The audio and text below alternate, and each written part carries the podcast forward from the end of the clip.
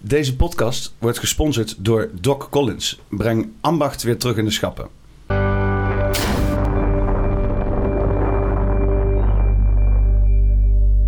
Zo, daar, eh, daar zitten we dan.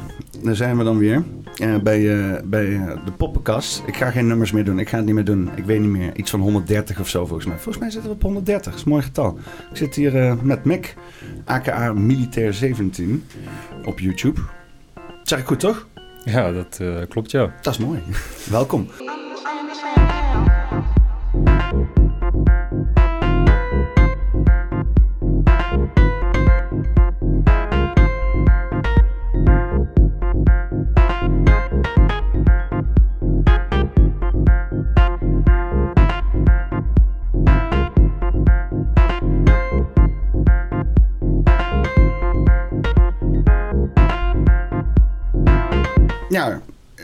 Wat, eh, wat, wat, wat doe jij op YouTube zo allemaal? eh? Ja, wat ik zo doe is eh, eigenlijk een beetje hetzelfde als jou, Peter. Kijk, ik ehm, deel mijn ervaringen en ik deel ook een beetje op YouTube wat ik allemaal hoor. Ook een beetje vanuit de tak van Defensie. En tegelijkertijd probeer ik mijn medemensen en mijn oud-collega's meer bewust te maken over wat er allemaal speelt. Naast mijn YouTube-kanaal heb ik ook nog een Telegram-kanaal, Hm. ook uh, Militair 17. En eh, ja, dit is mijn manier om eh, een bijdrage te leveren om zoveel mogelijk mensen te helpen. Maar wat zijn dan de dingen waar jij je op focust eh, voornamelijk? Of, of dingen die je opvallen of zo? Of waar je aan stoort wat dat betreft? Maar ik neem aan dat je iets hebt van dit moet beter kunnen, zeg maar. eh, Oh, je, de informatievoorziening, zeg maar. eh. Ehm, ja, nou ja, ik ben eigenlijk een heel druk persoon. Dus ja, ik, eh, ik kom af en toe wel eens in de knoop met tijd. En eh, dat is wel zoekende af en toe. Dus eh, ja, YouTube en het hele Telegram kanaal, daar, ehm, daar gaf ik nooit eigenlijk iets voor. Maar ja, het is wel een manier om mensen te bereiken. Dus eh zodoende ben ik daarmee begonnen. En eh, ja, naarmate van tijd eh word je er wat soepeler in. En net zoals ehm, mijn laatste 1, 2 podcasts, geloof ik zo, ben ik mensen aan het introduceren. En eh, dat is mijn manier om weer eh, ja, omhoog te gaan met mijn YouTube-kanaal. Is omdat ik eh er respect voor vind voor de mensen die op mijn YouTube-kanaal komen door ze te introduceren. Dat, maar dat is weer mijn manier. Dat vind ik weer gaaf om te doen. Maar je, je doet ook live, zeg maar? Nee, live nog niet. Nee. Maar hoe introduceer je mensen dan? Hoe moet ik dat voorstellen? Ja, dan eh, ga ik ze eerst vooraf aanvragen van... goh, wat is jouw achtergrond? Wat heb je allemaal gedaan en zo? En ja, dan eh, vertellen ze dat aan mij. En eh, ja, dat schrijf ik dan zelf allemaal op. En eh, dan ga ik ook echt een beetje kijken... oké, ja, wat kan ik er wel bij zeggen? Wat kan ik er niet bij zeggen? En ja, net zoals ehm Ray eigenlijk de vorige keer... daar heb ik het ook bij gedaan. En zo lees ik dat dan op. En dat is eigenlijk mijn introductie eigenlijk. Ja, ja, ja. Ja. Want ik doe dat vaak helemaal niet hier, hè? Ja. Ik duik er gewoon middenin zo. Ja, dat kan ook. Ik heb dat zelf ook. Ik heb dat in het begin ook helemaal niet gedaan. Dus alleen ja, je vraagt naar mij van ja, verbeteringen. Ja, dat is mijn verbetering eigenlijk. Waarvan ik zoiets heb van oké, nou, En dat het, vind het- het is enigszins natuurlijk wel... Ik, ik zit wel eens eh, na te denken over hoe ik dan te werk ga, zeg maar. Hè? Een beetje, een beetje slordig, een beetje eh, gewoon eh, losjes en zo. En los van conventies. Maar in, in zekere zin, want is het... het is ook een, een zekere vorm van respect, zeg maar. Dat je eerst de persoon erkent en dat je hebt laten zien van... ik heb me verdiept in jou. En, en dat je dan zo een gesprek opent, wat natuurlijk heel conventioneel is. Mhm. Ja, ik doe dat helemaal niet. Ben ik dan onbeleefd, denk je? ja, ja, maar iedereen doet het op zijn eigen manier. En ik vind dit, maar op mijn manier vind ik dit ehm, zoals ik het moet doen.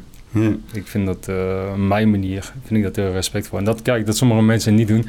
Kijk, als we allemaal hetzelfde zouden doen, dan denken ze ook weer bij zichzelf van, oké, nou ja, die zit weer... eh, die, eh, Zit allemaal onder één hoedje. Ja, precies, ja. ja daarom. Maar wat voor een gesprek heb je met, met allemaal al gehad? Ehm, ja, gesprekken die ik eigenlijk allemaal heb gehad is... ehm, ik praat eigenlijk over ehm, verschillende topics. Dus eigenlijk meer tips en tools, hoe mensen zichzelf kunnen gaan helpen. Eh, ook een beetje dingen die ik zelf interessant vind. Dus hoe mensen bezig zijn met het eh, systeem. wat voor ideeën. bijvoorbeeld je hebt eh, Common Law. Common die is eh, heel erg bezig door eh, te kijken naar de wetten. Waar zitten al die gaatjes in? Weet je, waar de mensen zelf iets aan hebben. Is dat een beetje dat soeverein-achtige gebeuren? Ja, inderdaad. Ja. Dat is ook een hoop om te doen, hè? Dat, eh, Mhm. ik heb hier eh, een tijd geleden ook jongens, eh, heren gehad die, eh, die eh, bezig zijn met het soevereine. Mhm. En ik kon er helemaal geen chocola van maken. Ja. Ik zat hier te luisteren naar die gasten en ik, ik, ik werd van, van, van de ene eh, regel clusterfuck naar de andere regel clusterfuck meegenomen en terminologie over eh, juridische zaken. En ik wist niet waar ik naar zat te luisteren. Het was echt, was, is echt lastig. Ja. ja, je bedoelt eh, de, de postmaker. Ja, nou, postmasters inderdaad. Ja. Ja, ja, ja die heb ik inderdaad ook al gezien. Ja, dat vond ik wel een... ehm, ik moet zeggen, ik... kijk, dat mensen niet met elkaar eens zijn, dat eh, begrijp ik. Maar ik vond het laatste stukje vond ik wel een beetje jammer. Kijk, we kunnen met elkaar eens zijn en met elkaar oneens zijn. Maar ehm, ja, ik vond wel dat hij op het laatste best wel behoorlijk werd aangevallen. Ja. En dat vond, dat vond ik wel jammer. Maar, eh, maar goed, hey, eh, ik ga niet te ver op in, want ja, ik heb ook zo mijn dingetje. Dus, eh, Ja. Maar het- ja- het was een stukje eh, volledige controle die ik kwijt was, zeg maar. ja, nee, maar dat kan ik zat, eh, ik zat drie dingen tegelijk te doen en ik denk van, laat ik slim zijn, laat ik de Discord erbij halen, weet je wel? Want Ja. ik denk van misschien even wat breder. Weet je, er zit, er zit, er zit ook bijvoorbeeld iemand in die, die, die jurist is, weliswaar be- bedrijfsjurist, dus, dus ook niet, weet ook niet het full spectrum, zeg maar. Maar misschien klinkt dan net wat bekender in de oren. En eh, Tom die zat erin, die heel veel in, in dat soevereine heeft, eh, Mhm. informatie heeft tot, tot zich genomen en een sterke mening over had. Die had ik dan soort van losgelaten, maar dat ging helemaal niet goed. En dat ging, ja, we waren meteen, was niet de bedoeling om hen aan te vallen. Mhm. En in zekere zin, wij, wij zijn in de Discord zijn we altijd best wel fel op elkaar. En eh, daar gaan we er altijd op in. En dan, het idee is van, als jij je aangevallen voelt, dan voel jij je aangevallen. Mhm. Nee, maar dat doe je zelf. Dan moet je gewoon... Dus wij gingen zeg maar in hoe wij met elkaar in de Discord omgingen, gingen wij dat met hun doen. Maar hun zijn er nooit in de Discord geweest. Die, hebben, die weten niet hoe dat daar ruilt en zeilt. Dus Ja. die, die, ja, die werden daar meteen door overrompeld. Klopt. Ja. Ja, en zo inderdaad, als je dat dan tegenkomt, ja, dan, eh, ja, dan weet je eigenlijk niet wat je moet doen. Ja. Ja, nou, dat kan gebeuren toch? En, en daar haal je ook je lessen uit, toch? Nou, het stomme is, of het stomme, het leuke is eigenlijk dat daarna alsnog ehm, heel, veel, heel veel informatie tot me is gekomen over, eh, over mensen die inderdaad eh, ook kleine stukjes wisten, die er langs zijn gekomen. Ik ben inderdaad ook op die common law terechtgekomen, eh, op die site. Ik moet heel eerlijk zeggen dat ik niet zoiets heb van, oh, dit is een gebied waar eh, ik eh, in kan floreren of zo. Mhm. Want eh, ik, ik heb al genoeg moeite met een paar formuliertjes van de Belastingdienst. Laat staan dat ik Ja. de burgemeester moet gaan bevechten met allerlei zegels en shit, weet je wel. Dat, ik, Ja, nou ja, ik ben niet alleen. Hè. Ik, wil, ja, ik, ehm, ik, kijk, ik ben ook al een stukje verder. En Common Law, dat heb ik een eh tijds geleden gedaan. En ik geloof ook wel dat er een kern van waarheid in zit. En we hebben ook zeker die mensen nodig. Alleen, ehm, ik heb ook met andere mensen gesproken. En dat is ook eh, onder een van jouw, eh, ik geloof, eh, jouw maat, die maakt een opmerking. En, eh, maar ik, ik hoor ook heel erg veel dat ehm, met deze mensen eigenlijk nog steeds niet zoveel is bereikt. Weet je, dus ik vind het heel tricky eigenlijk om mensen een bepaalde richting op aan te sturen van... ehm, Oké, je moet die kant op of ja, je moet die kant op. En ja, je hebt niet echt zeg maar heel veel succesverhalen of zo. eh. met Common Ja, ja, en, eh, zover ik weet eh, niet echt, nee. Ja, ze zijn wel naar eh, politieboos toe gegaan. En eigenlijk waarom ik vind dat ze wel no- noodzakelijk zijn... Kijk, ze maakt die politieagenten wel bewust. En ze leggen wel aan de kaart van... Ja, dit dit eh, speelt, dit zijn de wetten, weet je. Ook al zal het niet 100% lukken, weet je... Maar je maakt mensen wel daardoor een stukje bewuster. En daarom vind ik ze wel heel erg belangrijk ook erbij. ik denk dat er genoeg politieagenten zijn die helemaal geen kaas hebben gegeten van de wet. eh. je ziet veel in Amerika, zie je echt enorm veel. Je hebt van hele YouTube-kanalen van eh, mensen die gewoon eh, de, de handen van de politie gaan analyseren. Je ziet zo vaak voorbeelden van mensen, van agenten die gewoon helemaal niet weten wat de wet is. Ja. Weet je wel? Die voeren gewoon uit. En die denken van, eh, nou ja, eh, ik, ik gebruik mijn eigen gezond verstand. Ja. En, eh, en ja, maar dan, dan werkt zo de wet niet. En dat is dan allemaal heel leuk. Als je dan zeg maar meegenomen wordt en er wordt een hele hap van je dag wordt in beslag genomen. Als dat volledig onterecht is, ja, dan, dat soort dingen moet je juist weten te voorkomen. Volgens mij gebeurt dat de laatste tijd iets te vaak. En dan op een gegeven moment dan, ja, dan, dan, ja, dan heb je wel, dan, ja, dan, dan ja, gaat het vertrouwen gewoon weg. Ja, ja zeker. Want eh, tegenwoordig heeft iedereen een eh, telefoontje bij je. En het is eh, niet zo van, oh, ik kan bepaalde ha- handelingen uitoefenen en er eventueel mee weg gaan komen. Nee, tegenwoordig heeft iedereen een telefoon. Dus je moet er echt van bewust zijn wat je allemaal aan het doen bent. Ja. Dus Ja, het is op zich... ja, want dat, ik vraag me dat vaak af. Hè. Dat is bijvoorbeeld dat ik denk van... Is de wereld nou zo enorm veranderd? Of zien we gewoon heel veel nou? Ik denk eh, in, eh, wat je zegt dat het beide is. Ik, eh, tegenwoordig met internet kunnen zoveel dingen opzoeken. En ja, de wereld is ook erg snel veranderd, man. Vooral de afgelopen jaren.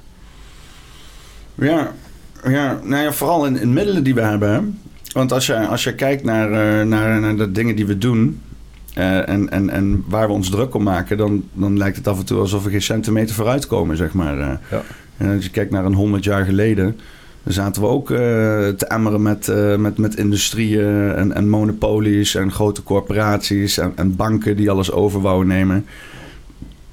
En eh, ja, toen twee, twee oorlogen verder en dan, dan, dan is iedereen het weer vergeten. En dan, nu zitten we weer in hetzelfde verhaal. Weer grote corporaties, banken die de boel aan het overnemen zijn... industrieën die moeten worden gezet en zo. Dus in zekere zin is ook niet heel veel veranderd, zeg maar. Ja, nee, inderdaad. Het is maar net hoe je het bekijkt. Ja. Ja. Eh, waarom eh, militair 17? Zo, ehm, even kijken. Mm. in 2020 toen begon ik eigenlijk een beetje eh, bewust te worden wat er allemaal gebe- gebeurde. Over ehm, de Great Reset. Dus ik begon echt eh, dingen uit te pluizen.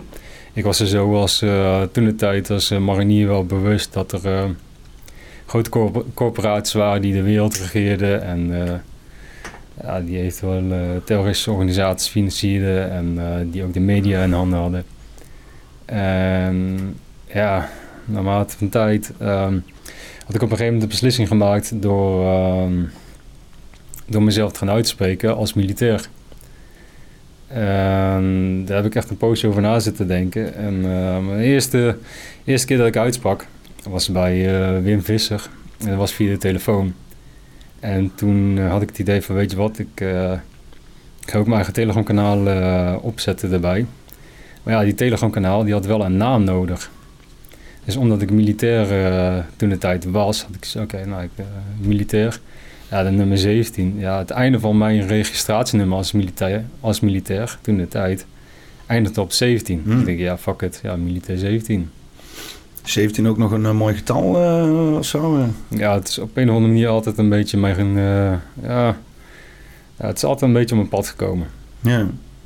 Ik ben wel benieuwd wat, wat, wat 17, eh, wat, wat, voor een, wat voor een getal. Heb je wel eens opgezocht? Zeg maar de betekenis van nummer 17? Ehm, nee, niet Well, echt is per se. Ja, je bedoelt, eh, je wilt naar numerologie te gaan. Ja, of zoiets. Of, eh, ik kijk altijd even wat, eh, wat Google mij als eerste voedt voor meuk. Even kijken. eh betekenis, getal 17. Ja, dan soms af en toe dan eh hij wel eens, eh, hij wel eens wat interessante dingen die er dan naar voren komen. Even kijken. eh, het getal 17 symboliseert zelfdiscipline, mededogen, verantwoordelijkheid, spiritueel bewustzijn en wijsheid. Nou, hier kijk. Zo, daar hebben we het dan. Ja, eh, zelfdiscipline, dat is als militair, is dat natuurlijk, eh kom je niet tekort aan, denk ik. Nee, dat klopt, ja. Ja. ja. Je wordt er wel in gevormd, ja. En want eh, los van zeg maar de afgelopen drie jaar, hoe heb je zeg maar jouw hele tijd bij Defensie ervaren? En ben je ook uitgezonden geweest? Ja. Ja, één, ja. Ja, tussen haakjes eh, twee keer. Het is een beetje eh, grijs gebied. Mensen noemen het eh, mijn tweede missie wel een uitzending.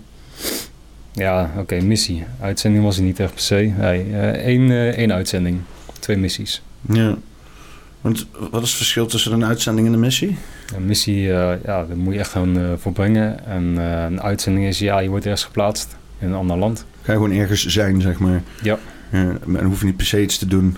Ja, dat is gewoon een uitzending. Ja, sommige, ja, soms worden er ook chefs uitgezonden. Ja, dan, eh, ja, die moeten daar zijn als in de zin van, ja, je moet gewoon gaan koken voor de Mm. manschappen. Ja, ja het- dat is dan, ja, kun je zeggen, ja, een soort van hun missie. Ja.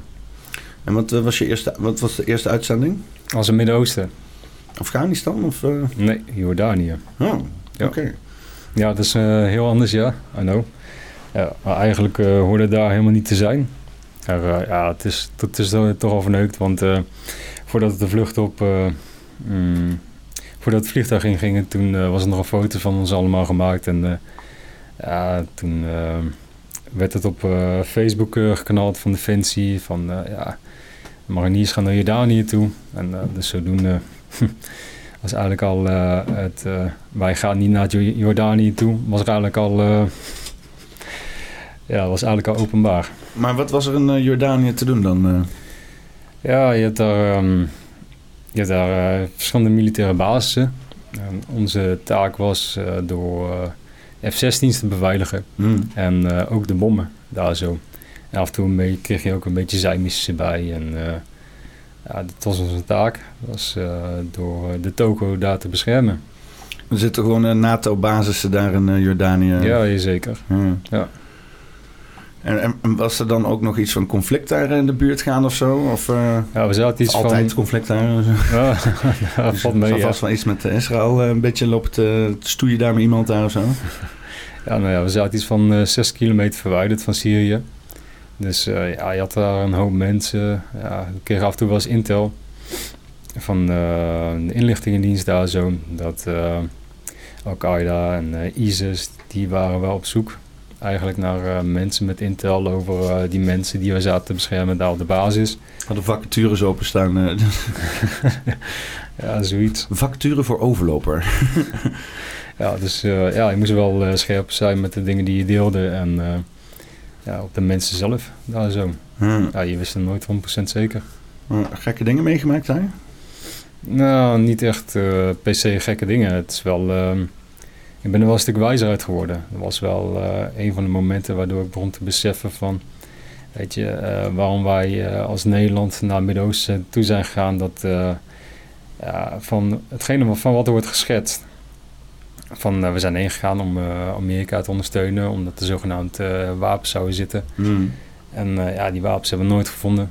Ja, uiteindelijk zijn we er allemaal achter gekomen van... ja, Amerika is ook heen gegaan voor de, voor de olie. En om ja, om, er, om een uh, democratie van te maken. Dat ze zelf hun eigen uh, poppetjes en uh, minions daar kunnen neerzetten om te beïnvloeden. En dat, ja, die, ja, die uitzending en die paar missies die ik erbij heb gedaan, dat waren wel openbaringen voor mij. Toen begon ik me echt te realiseren hoe of wat. Ik, ehm, ja, militair worden was altijd een jongensdroom voor mij. Alleen, ja, toen ik dat allemaal mee begon te maken, toen uh, ja, word je de jongensdroom in één keer helemaal kapot gemaakt. Hmm. En uh, ja, misschien was ik te, te dromerig toen de tijd als jongen, maar um, ja, in, uh, in de jaren erop ben ik ook ja, oude collega's tegengekomen die eigenlijk hetzelfde vertelden. Ik geloof dat ik anderhalf jaar geleden nog eens een keer een documentaire had gekeken over een Apache-piloot. Die had zijn eigen uiteindelijk was hij uit dienst gegaan en had hij zijn eigen uh, ja, truffelceremonie uh, tent opgezet of zoiets. En uh, begon daar ook allemaal over te spreken. Waarom hebben we zoveel bommen daar gegooid in Mali en waarom hebben we dat allemaal gedaan in Afghanistan? En ja, nou, uiteindelijk ben ik een paar keer, ja, nou, als je dan als militair tot die realisatie komt dat eigenlijk uh, hoge elites bezig zijn om zo de wereld onder controle te krijgen. Ja, mijn mindset was altijd van, hey, ik wil mijn land dienen, weet je. Want dat was mijn beeld dat ik had, om Mm. gewoon voor mijn land op te komen en uh, te strijden. En als je dan uh, begint op te merken dat dan wordt geregeerd door een andere partij, zoals het World Economic Forum en ja, heel mijn, heel mijn wereldje, die viel gewoon helemaal uit elkaar. En um, zeker als je dan één keer beseft van, ja, je bent gewoon een ja, je bent gewoon een, uh, mee aan het helpen om daar een land te verneuken eigenlijk. En dat is uh, zometeen voor, als er zometeen ook collega's zijn die deze video zien, want dat is, zo bedoel ik niet helemaal breed. Want er zijn ook heel veel militairen die altijd, uh, wel altijd met de beste intentie daar naartoe zijn gegaan om mensen ook te helpen. Want er zijn ook Afghanen geweest die heel erg dankbaar waren dat er Nederlandse militairen waren. Mm. Dus uh, het is niet zo dat ik uh, echt naar kijk van de Defensie heeft alleen maar hele fijne dingen gedaan. Kijk, we hebben ook wel hele mooie dingen daar gedaan.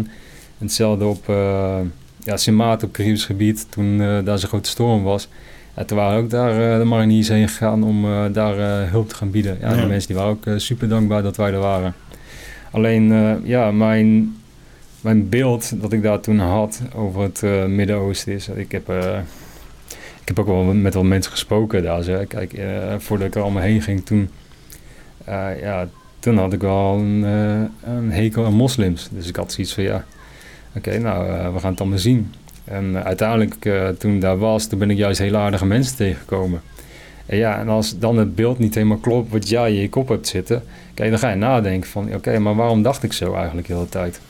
En nou ja, dat komt door um, ja, filmpjes die je dan hebt gezien bijvoorbeeld op het internet. En, ja, het is natuurlijk ook een, een, een, een ruime, rijke dehumaniseringscampagne gaande geweest sinds uh, 2001 uh, rondom uh, de moslims en zo. niet alleen voor militairen, maar voor iedereen in het Westen. Mhm. Mm -hmm. Moslims moesten weggezet worden als potentieel slecht en ja. als terrorist. En ja, er wordt natuurlijk vrijuit gewoon openlijk ja, het, ja, ik weet niet of het haatzaaien is, maar Wilders loopt wel onnodig, uh, ongenuanceerd uh, zijn uh, afgunst uit te spreken over, over de islam. Ja. En dat draagt nergens aan bij. Dus dat is leuk als je dat misschien even een paar keer doet om even iedereen wakker te schudden. Maar hij doet het nu al tien jaar of zo en dat is nergens goed voor. En ja, dat, dat neem je natuurlijk ook allemaal mee als militair. Mm -hmm. ook. En natuurlijk in het leger. Want ik merkte dat ik was laatst dan op um, um, ministerie van Defensie. Mm. Dat was met het project van, uh, van uh, Amy van Son, Helmen vol Verhalen. Mm -hmm. En uh, er gingen dus allemaal verhalen van militairen, van oud-veteranen... die allemaal verwerkt waren in kunstwerk daar opgesteld in het ministerie van Defensie. Zodat mensen in het ministerie van Defensie wel langs de verhalen moesten... van de mensen die ze allemaal aan het uitzenden zijn. Mhm. En... Uh, en... Uh, wat moet ik nou zeggen? Je was bij die kunstwerken van Defensie. En je had er iets ervaren?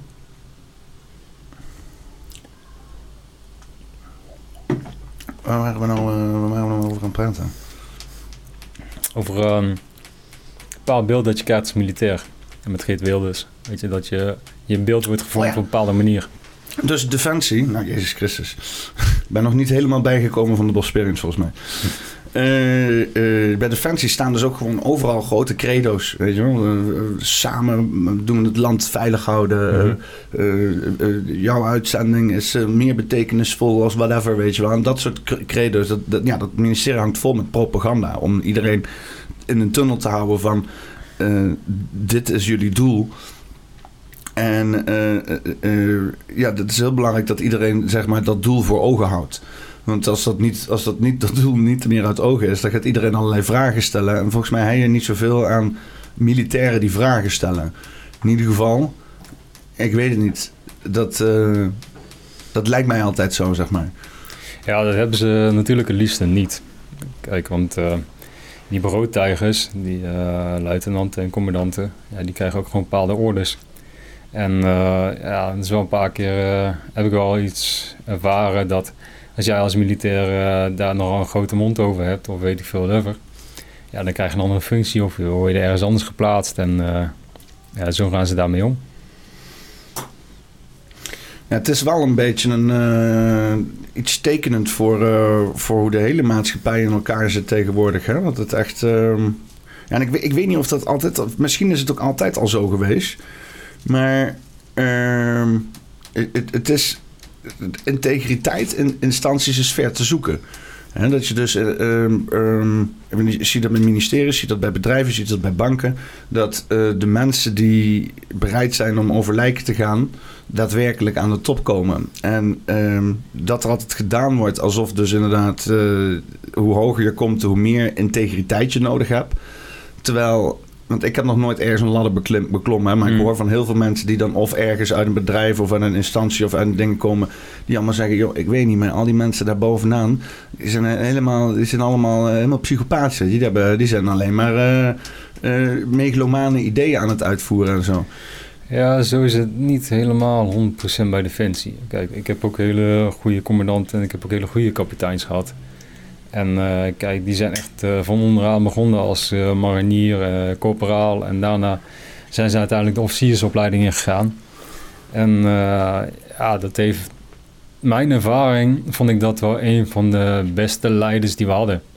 Want hun hadden ook tussen de manschap gelopen. Hun weten hoe de manschappen werken, hun weten hoe ze denken. En, dus hun beslissingen die ze bovenaf kregen. mijn ervaring, namens de, ja, volgden ze het wel op, maar ze dachten ook aan de mannen onderaan. Hm. Dus ja, het is... het, en het is natuurlijk ook zo, kijk, als er iets vervelends gebeurt, ja, dat slecht nieuws gaat veel sneller rond dan goed nieuws. En maar er zijn ook zeker wel goede gasten bij, bij Defensie. Die echt wel zien uh, wat er allemaal gebeurt tegenwoordig in de huidige maatschappij. En er zijn ook zeker officieren bij Defensie die zoiets hebben. Hey, wacht eens even, dit klopt helemaal geen zak van wat hier allemaal gebeurt. Ja. Ja, want het is wel... ik merk, merk wel heel erg... Ehm, dat bijvoorbeeld zo'n veteraneninstituut of al dat soort instanties vaak heel veel bezig zijn met damage control over het imago van Defensie rondom het gedrag van bepaalde veteranen dan in plaats van heel veel voor veteranen zorgen. Dat heb ik heel veel gehoord en, en, gezien met heel veel veteranen waar ik mee heb gesproken. En dan krijg je toch echt wel zo'n gevoel van ja, ze, ze, proberen een bepaald narratief gaande te houden. En dat is natuurlijk rondom wat het nut is van defensie en wat de redenen zijn waar je in oorlog, waarom je in oorlog gaat. Mhm. Dat kan me ook voorstellen als je inderdaad ja, als iedereen erachter komt dat het allemaal maar om geld gaat. En dat moet proberen te rationaliseren met het trauma wat je hebt rondom uh, verlies van iets, iemand of uh, whatever. En dan ga je misschien wel hele rare dingen krijgen. Mm -hmm. Ja, dat kan. Nou ja. Um, kijk, eerst was het veel beter onder controle te houden. Alleen ja, met mijn Telegram-kanaal, uh, ik krijg ook steeds meer uh, militaire volgers erop. En ik uh, plaatste ook gewoon bijvoorbeeld een podcast hier voor jou. En gewoon om mensen steeds meer bewust te maken van wat er allemaal speelt. En ja, als je dan allemaal dat soort informatie krijgt, in plaats van die informatie die alleen Defensie wil, dat jij alleen maar krijgt, gewoon, ja, dan, dan gaat het gaat sowieso veranderen. Want er worden steeds meer militairen bewust, er worden steeds meer politieagenten worden bewust van wat er allemaal speelt. Ja, dit is een, uh, ja, noem je dat? Een, uh, een kettingreactie die gewoon niet meer ja, tegen te houden is. Ja. wat, wat ik denk, ze zijn natuurlijk nu met de Oekraïne ook alle oude meuk lekker daarheen aan het stampen, zodat er weer plek is voor nieuwe shit. Ja. En ze proberen al een tijdje proberen ze met allemaal uh, uh, gekke technologieën soort van een uh, automated warfare fase in te, in te luiden. Mm -hmm. Dus, dus zoals ik dat begrijp, dus zo min mogelijk personeel en zoveel mogelijk robots en zo. Ja. Heb je er ook al iets van meegekregen binnenin of zo? nee, dat niet echt. Um, ik weet wel um, dat er militairen zijn die uh, wel staan te springen om naar Oekraïne toe te gaan. En ik weet ook dat er militairen zijn die zoiets hebben van... ja, maar hier ben ik niet uh, bereid voor om te sterven. Van wat er allemaal gebeurt. Kan, kan, je dat kiezen? Dat, dat, wat je, wat waar je wel en niet heen gaat? Um, ja, ik weet niet hoe dat tegenwoordig in elkaar steekt, maar... In mijn tijd dat ik erbij zat, dat is weer uh, meer dan een jaar geleden toen uh, kon je nog enigszins wel de keuze hebben om niet mee op uitzending te gaan. Maar ja, als marinier uh, sta je natuurlijk te springen om op uitzending te gaan. Want je wilt jezelf gaan bewijzen als marinier. Ja, je traint natuurlijk niet voor om vervolgens op de bank te gaan zitten. Nee, precies. Ja. Dat is hetzelfde als jij in voetbal aan het trainen bent voor een voetbalwedstrijd. Kijk, dan wil je ook eens een keer die wedstrijd gaan spelen. Dus heel, dat is ook ja, de mindset. Als je marinier bent, dan wil je ook eens een keer op missie gaan. Want je wilt zien waarvan je bent gemaakt. Kijk, en dat, ja, dat speelt ook gewoon mee. Ik zit ondertussen te zoeken naar wat voorbeelden van uh, automated uh, warfare. Mm -hmm. German, Germany en Elon Musk reveal their new powerful tank. Oké, okay, nou, we moeten het even kijken. Elon Musk ook. Een land en Elon Musk, hè? Niet ja, ja. Germany en Elon Musk. Elon Musk is working together with Germany. Dat, klinkt wel, uh, ik weet niet, dat klinkt als we uh, binnenkort space warfare gaan krijgen oh, of zo. Zal best, uh... Germany just invaded the moon. dus, maar, even kijken, want ze hebben dus inderdaad allerlei, allerlei gekke nieuwe automatische tanks of zo. and that the combat module with new turret and 120mm smoothbore gun would be borrowed from the Leopard 2 tank. Hier zit wel iemand in volgens mij. This ja. gun will also be able to fire projectiles with a programmable detonation. The Lynx 120 will additionally include a coaxial 7.62 millimeter machine gun and a machine gun on an unmanned turret. The Lynx 120 has Ja, a ja, onbemand. Eh, wat vind je daarvan? Ja, ik denk dat ze dat eh bewust doen. En eh, een van de redenen is, je hebt natuurlijk ook van die drones hè, die je op afstand eh, kan besturen. Dus, die drones die ze gebruikten voor verkenningsmissies of de raketten eronder te hangen. Van die hele grote die ze in Syrië of Irak laten vliegen. En dat is eigenlijk, nou, ik kan niet zeggen per se een soepele functie, want je ziet toch wel heel erg veel. Maar eh, ja, die militairen die dat allemaal besturen, die kunnen bijvoorbeeld ergens in Duitsland gestationeerd zitten. Of die kunnen ergens bijvoorbeeld in Nederland zitten. Ja. gaat allemaal via de satelliet. En eh, die zien wel heel erg veel dingen. Ja, want er was toen een eh, stukje van, eh, van Tegenlicht, dat is al een tijd geleden. En die nam me dat als voorbeeld. Dat je dus eh, jonge mannen had die dus inderdaad eh, overdag eh, naar de kazerne gingen om even wat Afghanen te bombarderen. En s'avonds weer thuis aan tafel zaten met hun familie. Ja. Wat, wat natuurlijk, dat, dat is helemaal, dat is helemaal cognitieve dissonantie daar. Ja.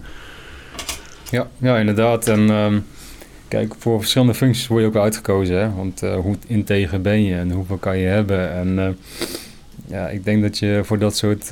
ik, ik weet niet hoe je protocollen gaan om dat soort mensen uit te zoeken, hoe dat allemaal gaat. Maar ehm, ja, je wilt natuurlijk wel een beetje mensen hebben die echt geloven in de zaak, wat Defensie daar allemaal aan het doen is. En alleen dat soort mensen willen hebben. Want ja, als je met tv, eh, ja, als jij eh, een persoon bent die ook heel veel geeft aan zijn medemens, Ja. ja, dan eh, moet je dat soort werk niet gaan doen. En kijk, in het begin zat ik ook zo heel erg in. Hè. Kijk, ik wil mijn land gaan verdedigen en eh, ik wil eh, met een mes eh, tussen mijn tanden gewoon voorwaarts gaan gewoon en de vijand afslachten. Weet je, en dat was mijn state of mind in het begin. In, het begin. Maar ja, weet je, dan loop de jaren kom je achter dingen achter en daar ben ik echt niet alleen in. En het zijn er echt heel veel militairen die daar nog steeds mee rondlopen. Die echt bewust begint te worden van, oké, ja, het hele verhaaltje waarom we daarheen zijn gegaan, dat klopt gewoon niet. Ja, want je ziet dat. eh, een- nou ja, je hebt zeg maar zo'n lijst op Wikipedia. Ik weet niet of je die ook hebt gezien. Met eh, interventies die Amerika heeft gepleegd in, in andere landen. Ja. En daar heeft gezorgd voor, voor een regime change. Voor eh, de democratie gebracht daar, of hoe ze het ook willen noemen. Ja, er zijn heel veel hoor. Eh, Dat is echt een lijst van, van, van, van volgens mij van 70 verschillende landen in de afgelopen 50 jaar of zo. Mhm. Dat betekent dat ze gemiddeld zo 1,2 land per jaar eh, omver eh, toppelen en daar een nieuw regime neerzetten. Ja. Ja, ja want het is, eh, je ziet het in het Midden-Oosten heel erg. Mijn, mijn ouders zeggen dus altijd, hè, mijn vader en zo, die zeggen, ah, het is ook altijd oorlog daar. En eh, die mensen die, eh, die kunnen niet in vrede leven en die weten niet wat ze aan het doen zijn. En dan zitten gewoon in de middeleeuwen. En dan ga je het een beetje uitzoeken wat er allemaal gebeurd is. hoe het de afgelopen honderd jaar op zijn plek is gekomen. Hoe, wat de relaties zijn van Amerika. Hoe mensen hun handel op hebben gezet. Mhm. Hoe heel veel van die Midden-Oosterse landen gewoon een zelfstandig onafhankelijke economie proberen te draaien. En dat Amerika daar gewoon st- constant een stokje voor steekt. Eh, Zelfs, is, dat nou Libanon? Volgens mij Libanon toch, waar Gaddafi was. Is dat Libië? Eh, Libië. Libië, ik haal de hele tijd die twee door elkaar heen. Iets met zand. En eh, die, ja, die wou van de goudstandaard af. En toen Mhm. hebben ze gewoon een hele campagne in het land gehouden dat hij een slechte man was. Vo- Volk opgehitst en hem door de straten heen laten slepen. Ja, en er zijn dus ook heel veel militairen daarbij te pas gekomen, ook Nederlanders uitgezonden, die daar allemaal heen, heen gingen onder de voorwendselen van we moeten een slechte dictator eh, het land uitwerken Ja. en het volk bevrijden daarvan. Terwijl dat hele narratief, dat is gewoon gecreëerd door de Amerikanen. Dat was helemaal niet wat gaande was. Dat, Ja. dat, dat, dat is bijna, ja... Hè, eh, eh, ja, één op één wat er bijna gebeurt. ook weer in Oekraïne. Dat er gewoon heel veel, heel veel massering van het volk voorafgaand bezig is. En wat, niemand meekrijgt, niemand die spreekt Oekraïens, niemand die spreekt Li- Libanees of zo. Libi Libisch. Eh, dus je kan gewoon in die taal gewoon allemaal rare propaganda gaan zitten pompen. De enige die het meekrijgen is in dat land. En dan als iedereen helemaal opgefokt is over een of ander issue wat jij hebt gecreëerd, waar Amerika heel goed in is, in Mhm. issues creëren die er niet zijn. Dan, eh, ja, dan, dan, dan kan je dat tegen je eigen mensen vertellen van... ik zie nou wel, de hele land is overhoop, dan moeten we iets aan gaan doen. Eigenlijk een heel makkelijke tactiek. Ja, dat is ook zo. Maar als je niet van bewust bent, dan, eh, ja, dan eh, ontgaat je alles. Ja. Nou ja, we- zijn er zelf ook onderhevig aan de hele tijd. Mhm. Wij worden ook de hele tijd opgenaaid door allerlei belangen. Ook door Amerika en zo. Die, die probeert... Oeh, scherven. Die, die proberen hier ook de hele tijd dat hier geen, geen eenheid is in... ja. Eh, zodra wij... Volgens mij als je je heftig gaat uitspreken tegen Amerika... Volgens mij... eh, en- ook daadwerkelijk momentum krijgt... Volgens mij... eh, ga je dan heel veel weerstand creëren. Volgens mij kan je nog altijd van alles doen, maar zodra je tegen Amerika gaat uitspreken. Aan de andere kant, heel veel mensen zijn nog wel een beetje klaar met Amerika. Ja, zeker. En ehm ja, dat begint steeds meer boven water te komen. En dat is eh, de hele film over Sound of Freedom. Over ehm, ja, die kinderen die... eh, eh, ja, kinderhandel. Weet dat is een, eh, nog beter dan een cocaïne of wapenbusiness. Want ja, wapens kan je meerdere malen verkopen. Cocaïne, drugs kan je één keer verkopen. En een kind kan je twintig keer verkopen. En eh, ja, wanneer het kind helemaal is misbruikt en doorverkocht aan pedofielen. En ja, ze hebben eigenlijk niks meer aan, omdat het kind zo getraumatiseerd is. Dan gaan ze naar de orgaan, organenmarkt. Ja, dan is een niertje 70.000 dollar. En eh, ja, Sound of Freedom heeft heel veel eh, losgemaakt, ook in Hollywood. En eh, ja, dan kom je erachter van ja, dat bijvoorbeeld een Oprah, Winfrey ja, bij een pedofiele ring zit. En dat er meerdere hogere mensen in Hollywood daarmee eh, eh, eh, mee in, verwe- in verwerkt zijn. Ja, want als, als Hollywood zeg maar wil verbergen dat het gewoon een één grote mensenhandelbolwerk is. Dan doen ze er een geslecht. eh, Die film die kwam uit, eh, meteen iedereen erop tegen, meteen de hele anti-campagne. Ze zijn volgens mij die, eh, die, die, die theaters, die hebben ze allemaal lopen saboteren en zo. Er kwamen allemaal filmpjes naar buiten dat dan de, de alarmen afgingen bij zo'n theater. Of Ja. dat ze de, de airco was uit. Of allemaal redenen waarom mensen, zo min mogelijk mensen die film moesten zien op een of andere manier. Maar ja, dat is toch, is toch verdacht? Dat is heel erg verdacht. Ja, want waarom zou je dat tegen willen houden? ja, die hele Sound of Freedom gebeuren, dat is wel, eh, er is wel een hoop gaande daar. Hè? En eh, eh, Mel Gibson die aan is. En, Matt, Mhm. en Mark Wallenberg en Klopt. zo. Die, daar- daar- daar staat allemaal dingen te gebeuren. Ja, Ice Cube die spreekt zich er ook allemaal over uit. Ja. Over ja, de elites, de schaduw, schaduwbeweging achter de schermen die eh, alles eh, onder controle probeert te houden, de gehele mensheid. Dus eh, ja, er komt veel naar boven toe. Maar goed, er, er gebeurt ook hier heel erg veel hier in Nederland hè, daarover. Met mensenhandel en zo. Ja, En Nederland is dan een beetje een knooppunt voor dingen, hè? Mhm, Zeker. Zeker met... eh, ehm, ja, ik ga geen dingen zeggen die, waarvan ik het niet zeker weet. Maar ehm, er zijn wel verschillende mensen die zich eh, hebben uitgesproken over dat er heel erg veel gebeurt in Nederland. En eh, ja, kijk, als je eh, een pedofiel bent en je zit in Nederland, kijk, dan hoef je maar een paar jaar te zitten en ja, je bent er alweer vanaf. Hm. Ja. Nou, dan kun je wel gewoon lekker doorgaan. En, ehm, maar het is, het is wel heel erg ziek wat hier allemaal in Nederland gebeurt. En je ziet het met die Thijs Reumer, hè? Die, eh, eh, eh, die dan eh, eh, eh, 14 en 15-jarige meisjes eh, als eh 50-jarige dude of zo, of 40-jarige dude, ik weet niet hoe het is, vraagt of ze willen masturberen en zo voor de camera en al dat soort dingen. Dat is de, de, de zoon van, van Paul Reumer en dat is de netwerkbaas van Poont. En eh, zijn zoon, die is dus, eh, als ik het goed zeg hoor, ja, betrapt op dat hij dus allemaal eh, ongure en ontuchtelijke zaken met, eh, met meisjes, eh, jonge meisjes deed online. En hij- hij, schrijft dat in de wegzaak, rechtszaak schrijft hij dat weg als, ehm, eh, als ehm, eh, maatschappelijk werk. Ja, ja als, als maatschappelijke werker dan heb ik me mee laten slepen, zoiets zei hij. Mhm. En hij heeft gewoon wat taakstraf gekregen. En, en waarvan ook nog heel veel voorwaardelijk. Dus hij hoeft maar een uurtje of zo hoeft hij iets te doen. En dan is hij van zijn volledige straf af. Dat is, dat is de rechtsstaat in Nederland rondom dit onderwerp. Mhm. Ja. Ja, wat moet ik daar allemaal van vinden? Ja, het is... ehm, kijk, dat, dit zijn wel een van de dingen waar echt mijn fucking nekharen van omhoog staan. En ehm, ja, ik... ehm, kijk, ik heb ook heel erg veel eh, mensen besproken die ook echt eh, allemaal mee, mee bezig zijn. En ehm, ja, er komen wel steeds meer mensen die zoiets hebben. Hey, fuck it, weet je. eh, die gasten. Ik weet niet hoor, in de toekomst... eh, ik, eh, ik hoop serieus dat die mensen hulp gaan zoeken. Ja, ja. Ja, dat gewoon de, de rechtsstaat gewoon zijn werk doet. Hè? Dat, dat, dat, want ook zo'n feitje is dat dan meeste kinderporno hier in Nederland gehost wordt. Dat weten we al twintig jaar of zo, als het niet langer is.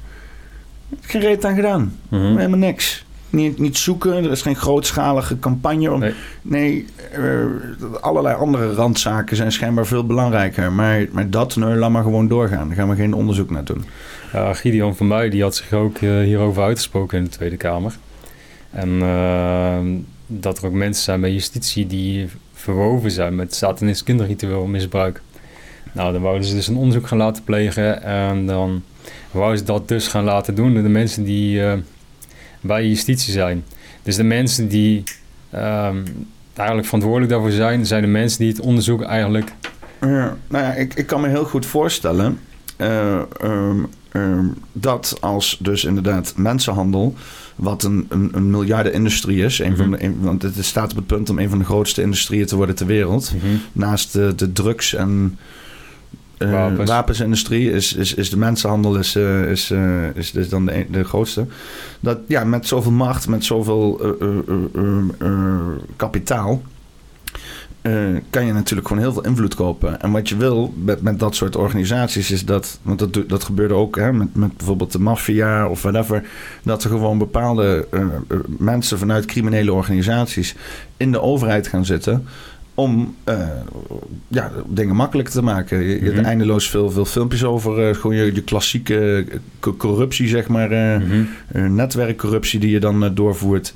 En ja, als je dus zo'n machtige industrie hebt zoals mensenhandel. En je, hebt een land waarin heel veel handel doorheen gaat en een knooppunt is. Dan is het natuurlijk heel gunstig om daar zo hoog mogelijk in, in de desbetreffende ministeries te zitten. die dat tegen kunnen gaan. En dat is dan het ministerie van Justitie. Mhm. Eh, ja, als je daar gewoon de hoogste top van, die, van, van het ministerie jouw mannetje hebt zitten, eh, van jouw in dus miljarden dollar industrie, wat helemaal niet raar te denken is. Dan kan je gewoon net zoals dat de WEF dingen infiltreert, of dat eh, een partij iets infiltreert, of weet je dat overal D66-rechters zitten en weet ik dat soort onzin. Mhm. Zo kan je ook gewoon letterlijk mensen die gewoon criminele organisaties aanhangen, ook in je politiek hebben zitten. Dat is helemaal geen rare gedachte. En dat daar niet serieus op in wordt gehaakt. Dat er niet gewoon één keer in de zoveel tijd een hele duidelijke, ja, open, openbare discussie is van hoe eh, zit ons bestuur in elkaar. En hebben we daar nog steeds de hoog mogelijk haalbare integriteit. Helemaal bij een ministerie van Justitie. Dat dat niet eens. Sterker nog, als je erover praat, dan ben je al bijna anti- anti-institutioneel eh, eh, terrorist. Of ik weet niet hoe ze het willen noemen. Weet je wel. eh. Ja, extreem rechts. Ja, of, nou ja, of, of, of een, of een, een radicale... radicale Mhm. Weet je wat radicaal betekent? Ehm, dat je verandering wil doorvoeren die effect heeft. Dat betekent radicaal. Want je kan ook zeg maar eh, verandering willen doorvoeren, maar die niks verandert, zeg maar. Maar Mhm. gewoon dat het, dat het gewoon anders is, maar uiteindelijk gaat het op de achtergrond hetzelfde door. Dat kan gewoon verandering. Maar radicaal betekent er moet echt in de basis iets anders gebeuren, zeg maar. Dat is radicaal.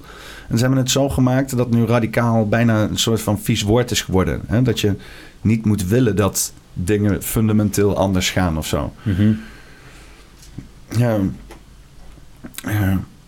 En die, NCTV is ook wel lekker bezig nou tegenwoordig. Hè? Je zit zich ook overal mee te bemoeien. Ja, ja, klopt, ja. Ja, het, eh, ja jouw eh, wereld wordt gecreëerd met de informatie die je binnenkrijgt. En eh, er was ook een krantenartikel een tijd geleden dat het NCTV bewust bepaalde informatie via social media eraf heeft gehouden. Dus ja, in de loop van tijd, met de informatie die je allemaal krijgt via social media, wordt ook je mind erin gevormd. Ook jouw wereld. Dus als jij alle- alleen maar eh, video's en eh, ja, foto's ziet eh, van mensen die eh, een bepaalde actie uitvoeren, gewoon, ja, dan wordt dat jouw wereld. Ja. Ja, in de verloop van tijd. Hetzelfde met ehm ehm, vaccinatieschade, dat bestaat niet, is een complottheorie. Uh, Wat, even kijken. Wat ze in het begin hebben gezegd, maar eh, wat eigenlijk helemaal niet is. En dat doorbewust gewoon eh eh, ervan afschouwen. Is ontraden. Ja. Sorry, dat was Ernst Kuipers. Oké. Alleen die hoor, je, die hoor je nou niet in de dingen. Ik heb mijn geluidinstelling heb ik fout staan. Wat raar is, want deze hoor je wel. Nou, maakt niet uit. Sorry, ga verder. Dus ehm, ja, dat is allemaal doelbewust eruit gehaald. Weet dat mensen die zich daarover aan het uitspreken waren. Net zoals eh hydro... eh hydroxyfine. Chloroquine, ja, precies dat. hy- hydroxychloroquine. mij, inderdaad. zoiets, ja. Ja, artsen in het begin. HCQ.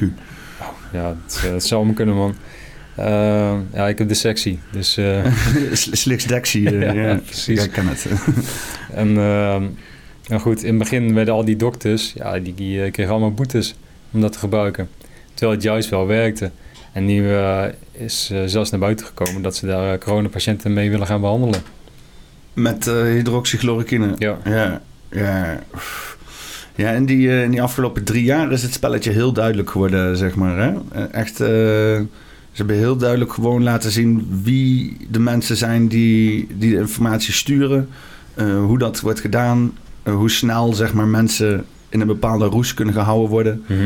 Het, eh, en het stomme is, want toen was het gewoon allemaal op één onderwerp, waardoor het in één keer heel zichtbaar is. Maar dit is de hele tijd gaande, alleen dan op tien onderwerpen tegelijk. Waarbij je een beetje, ja, beetje denkt van, nou ja, eh, je zoekt er niet zo heel snel iets achter of zo. Of in ieder geval, eh, het is lastiger ook, omdat het te veel onderwerpen zijn. Maar dat drie jaar je gefocust op één onderwerp. Iedereen die deed, want normaal heb je dan een minister van dit, die loopt propaganda te verzenden over Mhm. dat. En een minister van zus, die loopt propaganda. Maar nu al die ministers, maakt niet uit of het economie was, of defensie, of, justitie, of gezondheid. Allemaal zaten ze datzelfde narratief, dat, dat, dat, dat narratief wat de, de Big Pharma vol in de handen heeft gespeeld in de afgelopen drie jaar, zaten ze allemaal te propageren. En dat was wel, eh, was wel heel inzichtelijk. Mhm. Maar het is natuurlijk niks nieuws. Nee, dat doen ze natuurlijk al heel lang, hè. En dat heeft te maken met eh, een van de rijkste families van eh, de hele wereld. Dat zijn de Rockefellers. Hm? En die hebben zich ehm, uiteindelijk ingekocht in de farm- farmaceutische industrie. En ehm het is het, ehm, eh, plantmedicatie, dus bijvoorbeeld echt kruiden. Kijk, dat was... Voorheen was het het, weet je, dat is natuurlijk. Alleen ja, daar wou ze natuurlijk helemaal niks mee te maken hebben, want daar konden ze niks op gaan verdienen. Als jij jezelf kan helen, dan is er geen verdienmodel uit te halen. Kan je geen patent op aanvragen. Ja, precies. Of om dat soort zaken. En uh, dus uiteindelijk hebben ze ja, zichzelf ingekocht in de farmaceutische industrie. En zo ook uh, in de scholen uiteindelijk. Om gewoon inderdaad jouw wereld, jouw bewustzijn, jouw informatie die je binnenkrijgt te veranderen. En ze hebben, die hele Rockefellers hebben een wereld gecreëerd waarin we volledig afhankelijk zijn van olie van alle kanten. Hè? Dan wel niet voor onze gezondheid, dan wel niet voor ons materiaal met plastic, dan wel niet voor onze transport en vervoer, alles op, uh, op, uh, op olie en benzine, dan wel niet voor onze energie, uh, alles stoken en al dat soort dingen. En dat hebben ze. Dat, dat is een campagne geweest die, die, die heeft geduurd tot aan de jaren 50. En sindsdien runt gewoon de hele wereld op olie. Ja. En, en, en het stomme is, ja, dan nou, ik moet er nog altijd om lachen. Hè? Die mensen, die Extinction Rebellion mensen, weet je wel, met hun t-shirts. Mm -hmm. Just stop oil. Mm -hmm. Weet je wel? Alsof zeg maar, uh, alsof zeg maar je gewoon de, de, hele stekker uit gewoon alles kan trekken in één keer, weet je wel. Ja. Uh, maar dan gaan ze ook... Um, uh, ze gaan dan de mensen lastigvallen. Hè? Dus gewoon uh, burgers en zo. Nou ja, ik moet ook zeggen, de acties die ze doen op het vliegveld om privéjets tegen te houden, helemaal top. Helemaal niks op tegen. Ga maar lekker op Schiphol privéjets tegenhouden. De hele dag door. Geweldig. Maar bijvoorbeeld op de snelweg te gaan liggen. Hè? Mensen die gewoon een dagelijks ding doen. Mm. Zitten ze alleen maar inderdaad verdeeldheid te creëren. Mhm. Tussen, tussen, tussen mensen die ja, uh, vastzitten in dat oliesysteem. Weet je wel? Die, die, die, die, die, die weten niet anders dat hè, dus, dus alles is van plastic. Uh, ze moeten auto rijden en al dat Ja. soort dingen. En uh, die mensen die vragen dan van ja, dat moet je allemaal weggooien. Moet weer met, ik weet niet precies hoe ze dat voor zich zien dan, maar met, met paard en wagen en houten karren. En, uh, want ook elektrische auto's, dat is ook, ja, dat is, is, leuk dat dat niet op olie rijdt. Maar er is nog steeds heel veel olie voor nodig om dat ding te maken, zeg maar. Ja, dat ook. En um, waar die um, grondstoffen voor batterijen vandaan komen, dat uh, komt uit Afrika vandaan. En dat komt uh, van de kobaltmijnen vandaan. Mm. En daar wordt ook uh, kinderen gebruikt, kinderarbeid, om uh, al die kleine mineralen tussenuit te halen. En ik denk, ik geloof dat het bij Joe Rogan zijn podcast is geweest. Misschien staat nog op YouTube. De kobaltmijnen in Afrika. En daarin eh, wordt omschreven van oké, wat mensen allemaal moeten doen. Het is eh, gewoon moderne slavernij. Dus eh, als je dan, ja,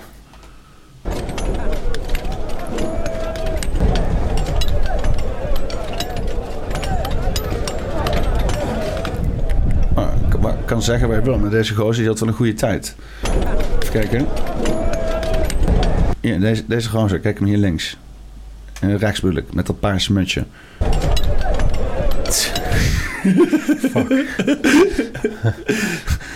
Kun je ook al bijna een slaaf in een kobold? Nee, je moet in ieder geval toch je verzelfde slingers ophangen, weet je wel? ja precies.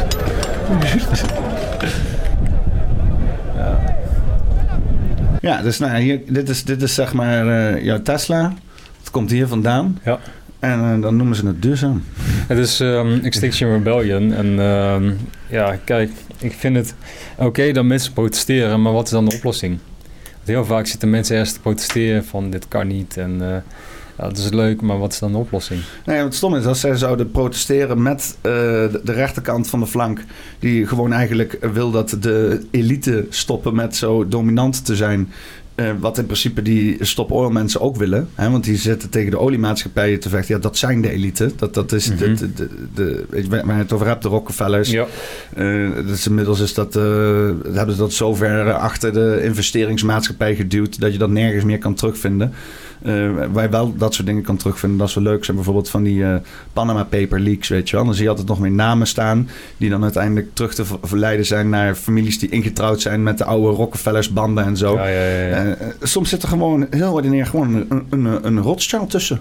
Gewoon heel opzichtig gewoon bam. Rothschild, zo in de Panama Papers zo. Een paar miljoentjes weggescheept. ja. en, eh, maar nee, nee, dat zijn allemaal complottheorieën, weet je wel. Dat is, eh, ja, het staat gewoon letterlijk. Ja. ja.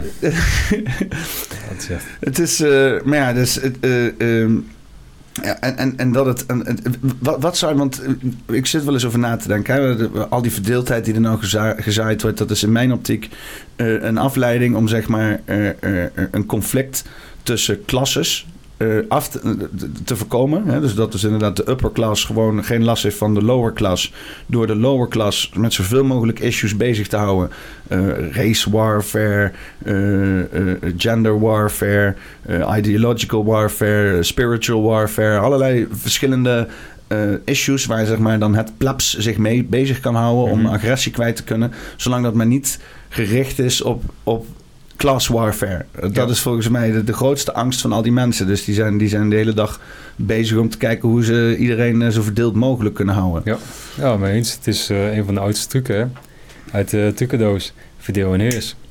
Want je kan veel beter een land regeren als het verdeeld onder elkaar is... dan dat het eh, samen één is. Ja. En ja, hoe weet je dat dan zo zeker is? Van, ja, ja, kijk eh, naar de asielzoekers. Ik heb helemaal niks tegen asielzoekers. Ik, ehm, kijk, ik, ehm, ik snap als je in hun positie zit... en eh, je ziet in één keer... eh, dat ze in Nederland in een hotel mogen zitten in een auto en eh, dat ze dan van alles wordt beloofd. Ja, dan komen ze natuurlijk hierheen. Ik- Dat zal ik zelf ook doen. Daar ben ik gewoon heel eerlijk in.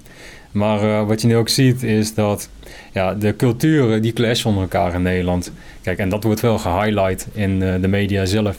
En de media die wordt eh, 70, 80 procent eh, betaald door onze overheid. En die bepalen wat mensen allemaal krijgen te zien. Hmm. Dus ja, de, de middelklasse, de mensen, de normale mensen in Nederland, die denken dan bij zichzelf van ja, zie je wel, het zijn al die asielzoekers. Nee, maar ze zijn juist jou aan het afleiden, ja, om, eh, zodat zij gewoon lekker een gangetje door kunnen blijven gaan. Zodat zij gewoon wel lekker wetten doorheen kunnen blijven voeren, door jij steeds meer in een digitale gevangenis terechtkomt. Ja. Ja, nou, het is zoals ik het zie, is dat in 2008 toen die hele economie eh, naar de gat verging, dat in één keer die focus lag op, op de bankiers. Dus wel op zeg maar die klasses, op de, de, de rijke elite, de, de, de, de bankiers-elite en zo. En dat ze toen inderdaad heel veel issues erin hebben. Toen- Daarna kreeg je dat wokisme en weet ik veel wat. Dat allemaal hebben gepopulari- gepopulariseerd. Zodat niet mensen meer bezig gingen met dat de economie gewoon ons geld gewoon steeds meer minder waard werd. En dat ze expres de economie lijkt het bijna wel aan het fucken zijn. Misschien uit onwetendheid. Misschien weten ze zelf ook niet hoe ze het beter kunnen doen. Misschien hebben ze een, eh, inderdaad een, eh, een, een evil plan. Uh, misschien hebben ze zichzelf wijsgemaakt dat dit de enige manier is hoe ze, hoe ze langdurig iets kunnen doen. Ik weet het niet. Maar je zou zeggen van wees er gewoon open over. Weet je. Dus we zeggen van oké, ons geld naar de kloten. We gaan nu een transitieperiode doen, deze nieuwe dingen. Misschien democratisch oplossen of whatever.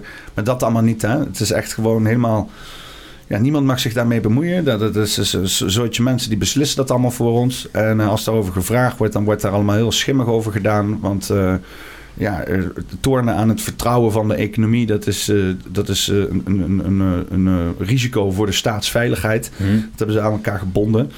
Dus, dus ja, dat, het, is al, het is al gewoon heel erg raar hoe, hoe dat allemaal gedaan wordt. Al is het wel heel logisch natuurlijk, want wie het geld beheert, controleert uh, Ja. de massa's, zeg maar.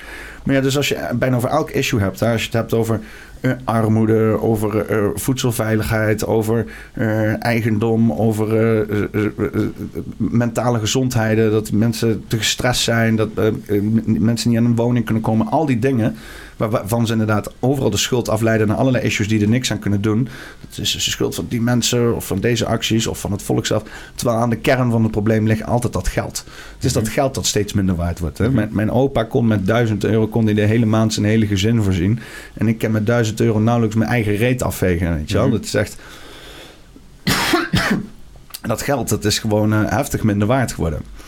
Maar daar hoor je dan nooit iemand over praten of heel weinig. Als, dan- want dat is allemaal saai of niet spannend genoeg. Het is veel spannender om te zeggen: nee, het is de schuld van de, van de, van de immigranten, weet je wel. Die, die Ja. pakken ons geld af. Ja, kijk, als jij erin gelooft, dan... eh, eh, ehm, ja, de mensen waar jij zo'n scheet hekel aan hebt... Dus eh, ik ga er wel vanuit, want ja, 99% is ongeveer klaar met de overheid zelf. Ja, dan hebben ze jou gewoon in de pocket. Want als jij altijd de vingers gaat wijzen van ja, het zijn asielzoekers, ja, het zijn die, het zijn de, de transgenders, zijn de, de woke's, de, de LGBTQ, weet ik veel, whatever, Antifa. Ja, kijk, de, er worden bepaalde problemen veroorzaakt. Alleen de mensen die erboven zitten, die zitten ook bij de politiek zelf. Hmm. En dat zijn de proble- probleemveroorzakers. Je, En dat moeten mensen niet vergeten. Kijk, daar moeten we heen met z'n allen.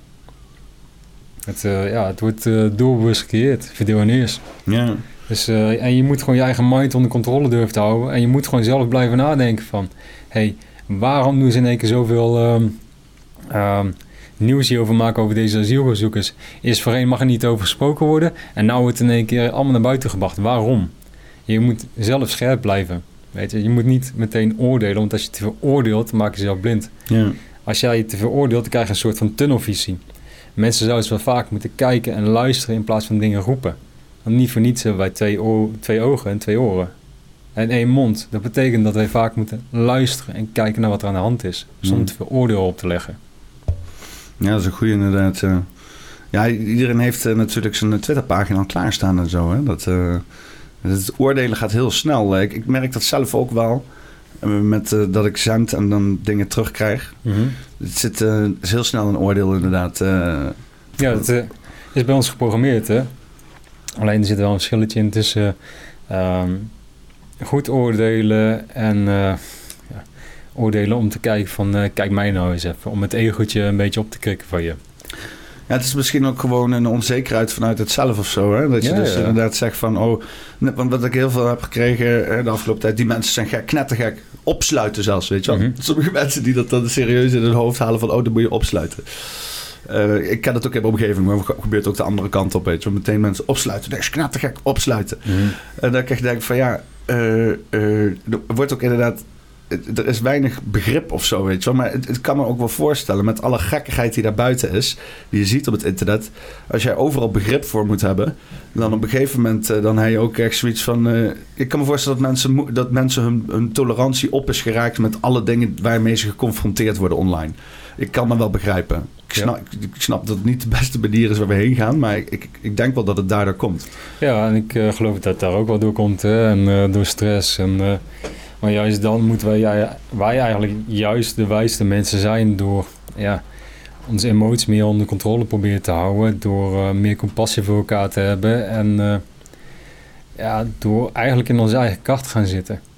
En daar haal je de meeste kracht uit. Kijk, een van de goede voorbeelden is voor stel je voor je hebt een ruzie met iemand. Wat is dan de juiste oplossing? De juiste oplossing is gewoon, als, ja, ja, als je een ruzie hebt met elkaar, dan ben je aan het clashen met ego's. een van de beste oplossingen die je gewoon kan doen, is gewoon door weg te lopen. Kijk, als jij altijd jouw gelijk eruit wil gaan halen, gewoon, ja, dan ben je gewoon je ego eigenlijk aan het opkrikken. En waarom zou jij gelijk moeten hebben? Weet je, kijk, als je echt een punt wil gaan bewijzen dat echt goed is, heet het dan oké. Maar vaak hebben we gewoon ruzie omdat we gewoon een argument willen gaan winnen van elkaar. Hmm. En ja, het is soms het beste gewoon door gewoon even weg te lopen. Van ja, waarom moet ik dit doen? Ja. ja. Ik ben sowieso een tijdje geleden opgehouden met uh, me gelijk te halen.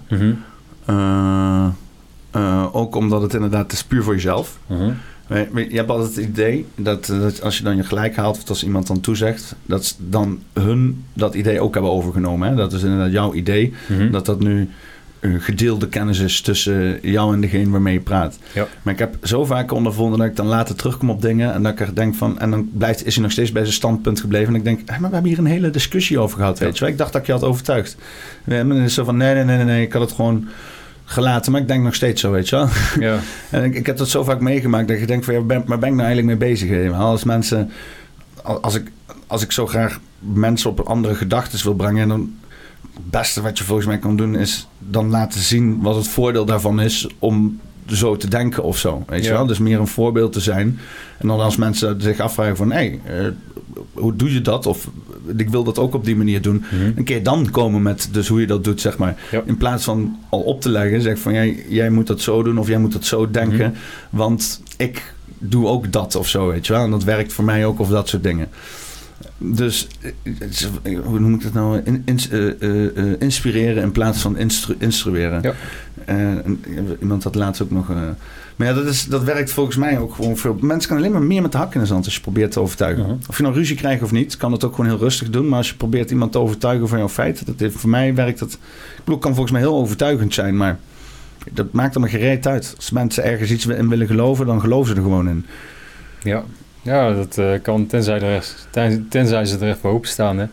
En eh, wat je ook zegt, ik geloof dat je gewoon een voorbeeldfunctie moet zijn. En eh, zo goed mogelijk eh, je leven moet proberen leiden. En ja, ook gewoon voor je medemens. Ik geloof, mijn geloof is dat we allemaal één zijn en dat er één God is. En ja, hoe je God noemt, mag zijn Allah, Boeddha en eh, Jehovah, maakt allemaal, maakt allemaal niks voor mij uit. Kijk, ik geloof dat we allemaal één zijn. Ik geloof dat we allemaal broeders en zussen zijn. Dus mag je hem ook Kees noemen, denk je? Ja, ja, Ik geloof in Kees. als dat voor jou werkt, ja, dan eh, ja, vind ik ook prima. Ja, Maar geloof jij in God? Of Kees? Of whatever? zeker. Ja. Kijk, ik, heb, ehm, ik was er eigenlijk helemaal niet zo van. Want ik had echt uh, Aurora Marinier mindset. eh, fuck it. En down to earth, gewoon eh, onzin, geloof ik helemaal niet in. En ehm, oké, nou om dit, dit even uit te leggen. Wij zijn alle geloven uit bestaan. Waar zijn ze uit voortgekomen? Geloven zijn voortgekomen uit ervaringen. Dus Jezus die ehm, was op een gegeven moment gedoopt in de Jordan River. En daardoor had hij een bijna doodervaring. En daardoor begon hij heel erg... eh, had hij een moment dat hij een soort van verlichting tegenkwam. Hm. Daarna is hij uiteindelijk naar de bos toe gegaan, 40 dagen gewezen. ehm ik kan niet zeggen mediteren, maar ehm, gewoon even de natuur in, om het dan te laten bezinken. En dus het geloof van het christendom komt uit ervaringen die Jezus heeft opgedaan. En hetzelfde als de Boeddha. De Boeddha die is uiteindelijk verlicht geraakt door ehm, jarenlang gewezen mediteren onder een boom. Daardoor hij weer verlicht geraakt. Dus alles, al die geloven zijn voortgekomen uit ervaringen. 40 dagen toch? 40 dagen, 40 nachten volgens mij. Ja, zoiets zou best kunnen, ja. Maar ehm, ja, ik heb weer dus een eh, ervaring erin opgedaan. En eh, ik, ehm, ik had altijd best wel een wrok naar iedereen. Eh, mensen die, die jou bijvoorbeeld kwaad hebben aangedaan. En dat hield ik heel erg vast. En op een gegeven moment kwam ik ooit eens een keer een gebed tegen. En ik begon gewoon eh, mee te praten met dat gebed over vergeving. En de reden waarom ik daarvoor uiteindelijk eh, eh, op, op uitkwam, was omdat Gideon van der Meijer via de Tweede Kamer had gesproken van ja, er wordt satanistisch ritueel kindermisbruik beoefend door mensen binnen, de, binnen justitie. En toen dacht ik bij mezelf, ja maar wacht eens even. Dus die elites satanisme beoefenen, waarom zou het satanisme beoefenen als er eigenlijk helemaal niks is? Dat is, lijkt mij eigenlijk een beetje tijdverspilling. Hmm. Dus eigenlijk had ik zoiets van, weet je wat, ik, eh, ik ga gewoon kijken. Ik ben gewoon nieuwsgierig. Ik ga het gewoon eh, kijken of ik er een eh, ervaring uit haal. Ja, uiteindelijk, doordat ik mee had gedaan met een bepaald gebed over vergeving en andere mensen, ja, raakte ik eigenlijk in een soort verlichte toestand. En ja, kijk, als je niet gelovig bent, dan probeer je het rationeel te bevatten van ja, maar het gaf je zo'n goed gevoel en weet ik veel even. Maar 50% van alle mensen die heeft wel eens een speciale ervaring opgedaan. En eh, ja, alleen wij in onze mind, als je daar niet voor open staat, probeer te rationeren. We proberen een duimpje op te leggen van oké, nee, maar dat moet zo zijn. Nee, dat moet zo zijn. Nee, dat moet zo zijn. En voor mij was dat een bepaald soort verlichtingsgevoel. En ik ben eigenlijk alleen maar verder geweest bidden toen de tijd. En ehm, ja, dat heeft mij eh, echt wel geholpen. Ik heb ook echt eh, om hulp gevraagd in bepaalde periodes. En kijk, ehm, God die zal nooit eh, naar je toe, eh, toe komen als eh, of man of vrouw, weet ik veel, wat jij, wat jij wilt. Ehm, of misschien ben jij de uitverkoren, het zou zomaar kunnen, maar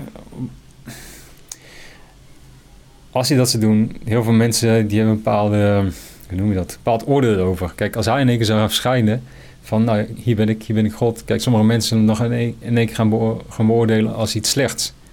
Of eh, iets heel goeds, weet je. Er zal, er zal altijd wel een soort tweestrijd in zijn. Want Mm. ja, je hebt een vrije, vrije wil tenminste. Ja. Dus je mag dat. Ik- En ehm, dus dat was eigenlijk mijn ervaring. En toen ben ik er eigenlijk mee doorgegaan. En eh, ja, het is, eh, het is eigenlijk alleen maar beter voor mij geworden. En als je gaat kijken naar ehm, de echte warriors, dat de Viking warriors, de samurais en ehm, de Spartanen, ze geloofden altijd in dat er meer was. Weet je, ze hadden altijd iets van, er is meer dan alleen maar dit. Dus die warriors, die strijders, die hadden altijd iets. Mhm. Dus, eh, en ik geloof dat het niet voor niets is. Ja. En ik ben eh, steeds. eh, ik ben nooit zeg maar, zo fan geweest van, van, van religieën en grote clubjes mensen en zo. Mhm. Machtsstructuren. En dan krijg je op een gegeven moment verbastering in, in bepaalde taal of tradities. En dan, dan weet je op een gegeven moment niet meer wat nou echt de intentie erachter is Ja. en zo. Dus, dus ik, ik heb dat meer dan gewoon heel persoonlijk bij mezelf gehouden. En, eh, maar wel een soort van godachtig wel een, een constructie voor mezelf gemaakt van wat God dan zou moeten zijn, zeg Ja. maar. Hè?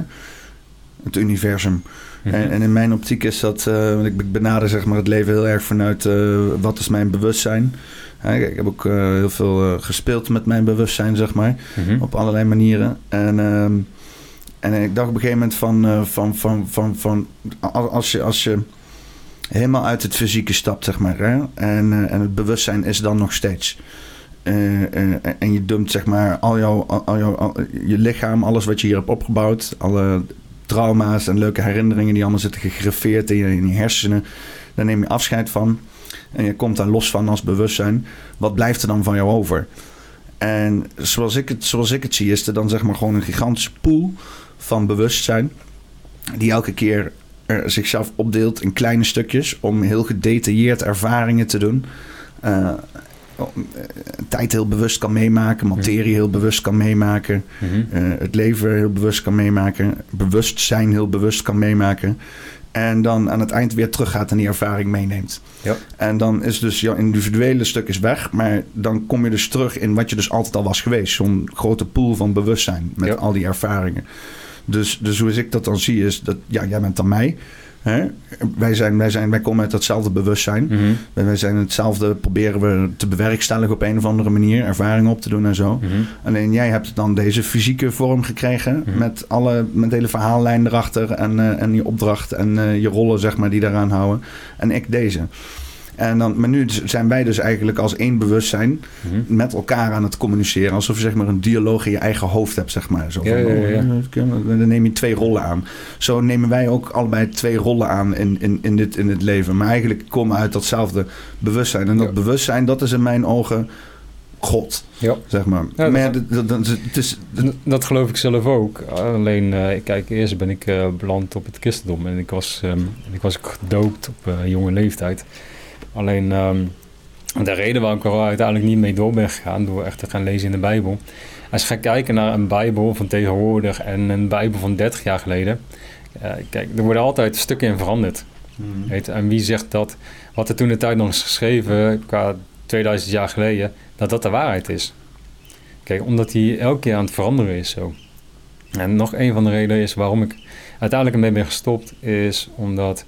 ehm, kijk, er is een experiment uitgevoerd met eh, mensen die eh, prostaatkanker hebben. En eh, een van de redenen is waarom mensen prostaatkanker krijgen. Nou ja, het is toevallig in ieder geval. Ehm, mensen die iets hebben verloren, die krijgen prostaatkanker. Hm. En waarom is dat zo? Is jouw hele hersenen, die staan in connectie met heel je lichaam. Dus net als je onderbewustzijn, kijk, die reageert ook eh, op je onderbuik. Dus in ieder geval niet zo'n onderbuikgevoel. Mhm. Dus ehm, ook kan jij rationeel niet bij jezelf komen van... hé, hey, dit en dit is er aan de hand. Gewoon, je onderbuik geeft dan een heel raar gevoel. En mensen noemen het soms een zesde zintuig. En eh, ook bij Defensie wordt daar wel over gesproken, bij de Special Forces. Maar het is heel toevallig, dus de mensen die iets hebben verloren... een, kind, een kind of een geliefde... dat ze dan prostaatkanker krijgen of eh, baarmoederkanker. Ze hebben in ieder geval iets verloren. En Tenminste, dat komt bij de meeste overeen. Daar is dus het experiment ook op uitgevoerd. Ehm, het eerste wat ik bij de Bijbel meegekregen is van... Jezus is gestorven voor jouw zondes. En welke zondes dan? Kijk, en ik voel mezelf af van... Kijk, ja, gevoelens... die kunnen ook een negatieve uitwerking op jouw lichaam hebben. Dus mensen zijn iets verloren en er gebeurt dus hier zo. En dat heeft zich uitgewerkt uiteindelijk naar de prostaat zelf. Hm.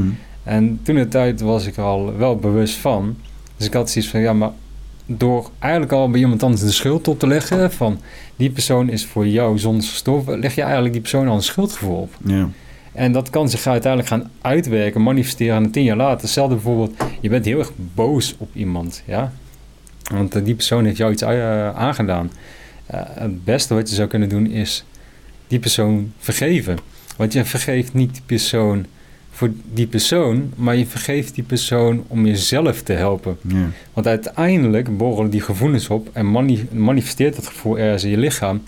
En er is ook wetenschappelijk onderbouwd dat wanneer jij een wrok en haat houdt naar een bepaald persoon, je, die, die persoon gaat er niet onder lijden. Er gaat maar één persoon eraan onder lijden en dat ben je zelf. Ja. En uiteindelijk zijn ze eruit gekomen dat wanneer je dat langer dan tien jaar volhoudt, gewoon, dan krijg je gewoon hartproblemen. Alleen maar puur alleen omdat jij een gevoel vast wilt houden. Ja. En daarom, dat is een van de redenen van, ja, Jezus die is gestorven voor jouw zondes. En dat geeft meteen al een gevoel van, het is een schuldgevoel. En daarom ben ik ook heel erg voorzichtig met bijvoorbeeld een Bijbel of een Koran. Ik geloof ook dat er hele goede dingen staan. Ik geloof ook zeker wel dat er dingen in staan waar je zoiets hebt van, wauw, ja, oké, dit, dit is echt heel mooi. Dus ik geloof ook dat, dat er bepaalde dingen, kern van waarheden zitten. Dus in de Bijbel, Koran of bijvoorbeeld eh, je hebt, eh, in Tibet hebben ze de, de Book of the Dead. Dus zal er ze- zal zeker ook wel iets van de waarheid in zitten. Ja. Dus eh, ja, ze doen, dan ben ik daar ook een beetje af, afhoudend in. En wat je ook zegt, ik geloof dat er meer is tussen hemel en aarde. Alleen ja, ik weet ook niet, niet alles. En ik vind het wel mooi dat je dat zegt inderdaad. Dat je iemand vergeeft eigenlijk voor jezelf. Ja, En dat, eh, want eh, ik had gisteren ook nog een heel gesprek met iemand over, over, over wraak, zeg maar. ja, En, eh, en dat, dat, dat het het klassieke idee dat als je wraak hebt op, op iemand, dat dat uiteindelijk niet te eh, bevredigend is. Hè? Dus, dus Mhm. iemand heeft je iets aangedaan, je hebt daar een bepaald gevoel over. Je wil dat daar recht wordt behaald of consequenties aan zitten. Dus jij neemt wraak. Maar dan zit je nog steeds met dat nare gevoel. Mhm. Want de wraakactie die haalt dat nare gevoel niet weg. Zeg Nee. maar. hè. Dus datgene wat je ontnomen is of wat je tekort gedaan is, dat bestaat nog steeds. Ja. Dus het, het, het, het- het enige eh, beste wat je kan doen, is inderdaad eh, vergeven. Mhm. Hè? Eh, eh, en de consequenties vertrouwen aan het universum. Maar wat er gebeurt als bijvoorbeeld jij iets, als ik iets slechts heb gedaan. En ik word daar, daar niet voor bestraft, dan gaat dat ook vreten aan je, zeg maar. Mhm. Als je iemand ziet die zeg maar jou vergeeft terwijl je dat niet verdient, dat is, dat is ook best pittig op een of andere manier. Hè? Als je, en en dan, dan, dan draai je die dingen ook eigenlijk om. Dan in plaats van dat je jezelf kwelt Mhm. met hetgeen wat jij een ander wil aandoen, laat je die ander die jou gekweld heeft weten, je kwelt me hier niet meer mee. En dan het enige wat er nog kan gebeuren is dat hij zichzelf kwelt, dat hij niet, dat, ja, dat, dat hij vergeven is of, of, of geen consequenties toelaat aan eh, zijn eigen acties. En menig man, mens, tenzij je echt diep socio of psychopaat bent, Mhm. maar dat zijn er gelukkig maar niet zo heel veel, eh, dan, dan, ja, dan, dat is, dat is wat mij betreft de ultieme straf, zeg maar. Als je weet dat je iets fout hebt gedaan en die ander, je weet ook dat de ander weet dat jij iets fout hebt gedaan, Mhm. alleen die persoon die kiest er dan voor om dat lekker bij jou te laten zeggen, weet je wel, kook jij maar gaar in je eigen soep. Ja. Mij hij er niet mee. Ja, en dat is, eh, dat is heel erg krachtig hè, als je dat kan. En eh, er is een, ehm, er is een gezegde door eh, Marcus Aurelius van ehm, ehm, strength is kindness. Dus dat jij desondanks wat je is overkomen, dat jij er toch nog voor kan kiezen door eh goed aardig te kunnen zijn. En eh, ik, geloof er, ik geloof er op een bepaald level geloof ik daar ook wel in. Kijk, ik geloof ook dat je moet strijden voor je vrijheid. Als je gaat kijken naar bijvoorbeeld ehm, China dat eh, Tibet heeft binnengevallen. Hmm. Tibet was vroeger ook veel van vrede en liefde en peace en love. En toen uiteindelijk wisten ze dat China op een gegeven moment Tibet ging eh, binnenvallen. En ze waren nog heel erg klampvastig aan het eh, geloven van eh, we geloven alleen maar in vrede, we geloven alleen maar in liefde. En uiteindelijk ja, ehm, hebben ze wel uiteindelijk de wapens opgepakt. En probeerden ze China te, tegen te strijden, tegen, tegen China te vechten. Alleen ze zijn wel ten onder gegaan. Met het idee van, nee, we zitten in de liefde en we doen eigenlijk helemaal niks. Ja, En nu worden de boeddhistische tempels eh, vernietigd door de Chinese overheid en zo. Ja. Ja. Dus ik geloof dat je ook... eh, kijk, het, het zit in mate. Ik geloof dat je ook moet strijden voor je vrijheid. Ja, ja. Ja, ja als er zeg maar in het proces dat jou, eh, dat jou iets aangedaan wordt, er nog iets aan kan doen, moet je het zeker doen natuurlijk. Ja. Ja. Ja. Ja, als het gaat om je eigen leven. Kijk, we, we zijn allemaal gelijk. En ja, ja, je hoeft niet te sterven omdat iemand anders vindt dat jij moet gaan sterven. Ik wou eens eh, even Rutger en de nationalisten erbij pakken. Oh, helemaal goed. Ben je, ben je een nationalist? Dus kom je niet echt over op mij. Nee, nee, ehm, ja, blijkbaar ja. Ik, eh, ik heb liefde, eh, wel heel erg veel liefde voor mijn land. Weet je, daarvoor ben ik uiteindelijk ook eh, eh, marinier geworden. Hè. Dus ehm, Maar, eh, want, eh, wa- wa- wa- waarom hou je van Nederland? ik, ehm, waarom hou ik van Nederland? Ik, ehm, ik vind sowieso dat Nederland een hele speciale cultuur heeft. En ik vind eh, de mensen die daar, die in Nederland zijn, die, kijk, we hebben een rijke, rijke geschiedenis, hè. Als we gaan kijken naar, eh was het 18e, 18e eeuw, de Gouden Eeuw. Ja. En eh, kijk, we zijn heel erg eh, innovatief, heet wel in onze geschiedenis. En eh, als ik nu ook gewoon kijk naar de mensen in Nederland, van... Als je gaat kijken naar bijvoorbeeld naar een, een stratenmaker en een, en... Of iemand die in de bouw zit, weet je, die doet een grote bijdrage aan deze maatschappij. Hm. En alleen heel veel zijn daar niet van bewust, weet je. En ik geloof heel erg veel dat we allemaal een speciale functie hebben in, eh, in dat land. Bijvoorbeeld, ja, ik, eh, ik eh, als militair om het land te verdedigen, maar het, het land, dat bestaat niet alleen uit militairen. Dus je hebt ook mensen nodig die het brood willen, brood bakken. Weet je, die zijn net zo belangrijk, want zonder brood ja, kan jij niet functioneren als militair. Dus ja, en ja, ik eh, vind de Nederlandse cultuur gewoon heel erg mooi. En eh, de mensen die gewoon echt eh, iets van hun land proberen te maken. Ja, dat is de reden waarom ik mijn land wil gaan verdedigen. Ja. En voor wou sterven. En, en, en, en de vlag? En de vlag. Ja, maar als je nu zeg maar naar die rode-blauwe vlag kijkt, wat, wat, wat zie je dan? Ja, ik, hoe ik er nu naar kijk. Goh. Ja, kijk, ons land is wel nood. En daarom hangt mijn vlag mijn YouTube-kanaal nog steeds ondersteboven. Maar eh, ja, ik ben nog steeds wel trots op de Nederlandse vlag. Ja. Ik, heb, ik heb veel zitten nadenken zo, over identiteit en eh, wat dan inderdaad zo'n vlag voor mij betekent. En, ehm, maar ja, dat hele nationalisme, hè, dus eh, die verhaal die rondom die vlag gaat, het verhaal van Nederland, ehm, ehm, eh, hoe wij zijn geworden dat wij zijn geworden, is ook in, in zekere zin gebruikt om, eh, ons te verenigen tegen uh, Tegen vijand. vijand. En, en die ontstaansmythe van Nederland is natuurlijk wel met de 80-jarige oorlog. Mhm. En de Spanjaarden eruit schoppen. En dan inderdaad af, afscheid doen van dat grote. wat toen het katholieke was. En dan de, de protestantse. Eh, vrije republiek eh, beginnen en dat soort dingen. Dat was natuurlijk heel idealistisch in die tijd. Maar als ik het zeg maar heel groot uitzoom, dan zie ik dat Nederland nog steeds gewoon een soort van. ja, een vrije handelsplaats is voor alle landen die eromheen liggen. Mhm. En net als een soort van eh, Hongkong of een eh, Macau of zo. eh, Mhm. eh, dat is voor, voor China. Zo is, is Nederland volgens mij de afgelopen 400 jaar geweest voor eh, Frankrijk en Duitsland en Engeland. Want die hebben altijd gewoon hier nog altijd gebruik van gemaakt om hier doorheen te handelen. Om eh, de, haven te gebruiken of het materieel af te nemen. En dan, dan, dan krijgen wij zo'n verhaal te horen van allemaal oorlogen die, die toen zijn gebeurd. Hè, de, de, de- met de oorlog met de Engelsen, de Napolitaanse oorlogen. Wat er daarvoor allemaal niet is gebeurd. En dan vraag ik me toch ook altijd af van hoeveel zit hier tussen waarvan ze achteraf hebben gezegd van oké, we gaan dit is het verhaal, want dan kunnen we eenheid creëren in het Mhm. land. En hoeveel daarvan is ook gewoon weer eh, bij elkaar gehusseld om eh, de huidige macht weer eh, een beetje aan de top te praten, zeg maar. Mhm. Ik zit daar... Ja, natuurlijk. En dat heb je natuurlijk ook bij alle landen. Hè? Kijk, een land was nooit helemaal ontstaan uit pure liefde en vrede. Want je hebt natuurlijk altijd in de afgelopen honderdduizenden jaar heb je altijd een vijand gehad. En dat was ook met eh Indianen onder elkaar. Kijk, want Indianen die kunnen nu wel zeggen van... Goh, ja, het zijn de blanken, het zijn de schot van de blanken... waarom Amerika niet meer Amerika is. Maar de Indianen zaten, zaten elkaar ook eh, allemaal uit te moorden in Amerika... voor grondstoffen, voor land en eh, om te overleven. Dus ja, dat is, dat is heel normaal. Dat is, dat is gewoon gebeurd. Maar kijk, er zijn ook natuurlijk hele goede dingen gebeurd. Hè? Er zijn ook mensen gestorven voor het idee van... oké, ik ben militair of een eh, patriot, hoe je het ook wil benoemen.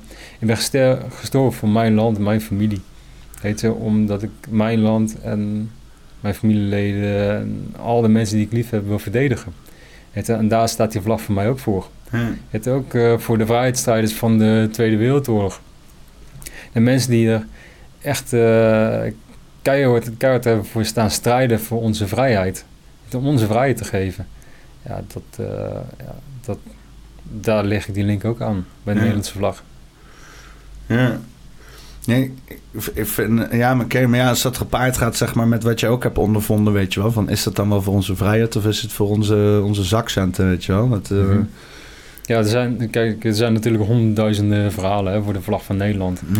En eh, het is maar net waar je voor kiest. Omdat je kijkt, er zijn ook hele slechte dingen gebeurd in Nederland. En eh, hoe het nu allemaal gaat binnen deze maatschappij, daar sta ik ook helemaal niet, ze- zeker niet achter. En er staan ook heel veel militairen, die staan ook helemaal zeker niet achter.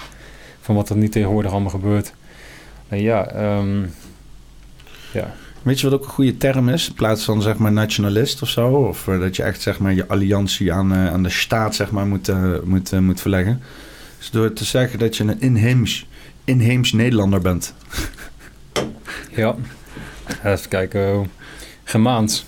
Ja, ja, Germaans, ja. Inheems Germaans. Ja, ik weet niet eens of het waar is, want eh, voor hetzelfde gehad eh, heb ik nog wel allerlei andere dingen met DNA zitten. Maar ik weiger een 23andMe te doen, want dan eh, is mijn DNA-informatie in handen van bedrijven. Is- Ja. Er is al zoveel informatie van mij in handen in bedrijven, dus.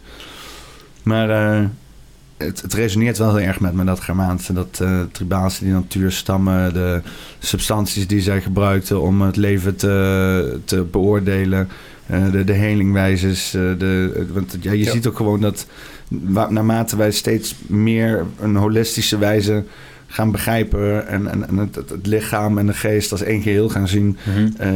en daar ook medisch mee flink aan de slag zijn. zie ik in ieder geval in mijn omgeving.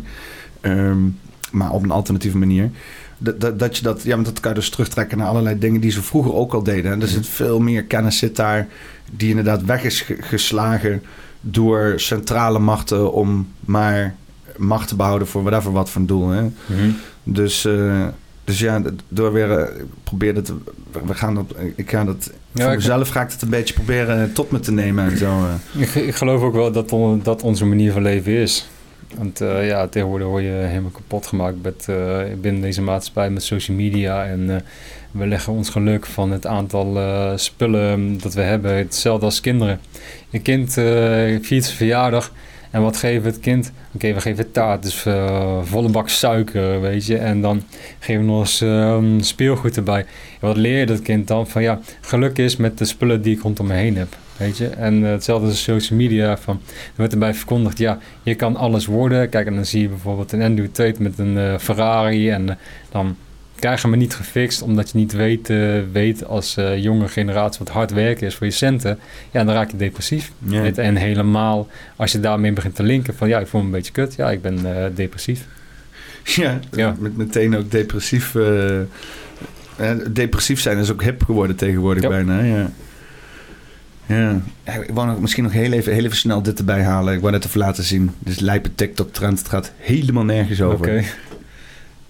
Eh, hoe- The weirdest shit I've ever seen in my life, okay? Every time I go in the live tab, I see people doing the dumbest fucking things imaginable while getting showered with money.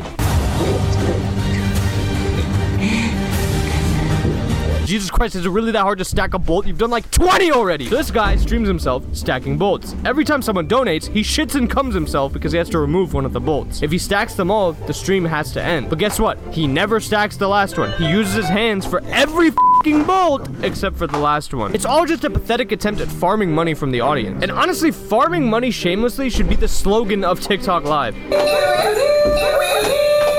But everywhere I go, I see this one type of stream, okay? And it's called NPC TikTok. Prepare yourself because it's truly the most groundbreaking streaming content of all time. Mmm, ice cream so good. Gang gang.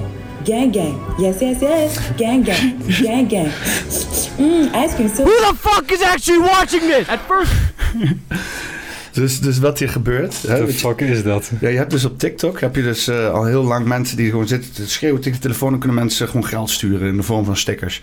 Maar nu is er dus iets gaande. Een of andere TikTok-creator. Die is zich gewoon als een NPC gaan gedragen. Als een eh, soort van eh, niet echte persoon, zeg maar. Mhm. En de mensen geven die persoon de hele tijd stickers. Die verdient honderden duizenden euro's met gewoon dit doen de hele tijd. Gewoon een beetje... I thought she had Tourette's, but it turns out that she's saying things depending on what emojis people donate. And she does this for hours. And now literally every motherfucker on this app is doing it. It's pretty obvious that streams like this cater to some weird waifu NPC fetish, but I don't know what's more pathetic, the person that makes this shit or the people that watch it. Content is fucking awful, but it only exists because there are degenerates that financially support it. But at the same time, people making this content clearly lack any self-respect. Like, how much money is she making? Fuck. 7000 per dag. Eh, maar ja, is, het is rare dingen gaan op het internet. Dat is ook weer wat punten wat ik probeerde te maken. Zo van, er is zoveel rare shit gaande op het internet. Mensen zijn op een gegeven moment gewoon volgens mij helemaal apathisch geworden van allerlei dingen die ze zien. Ja.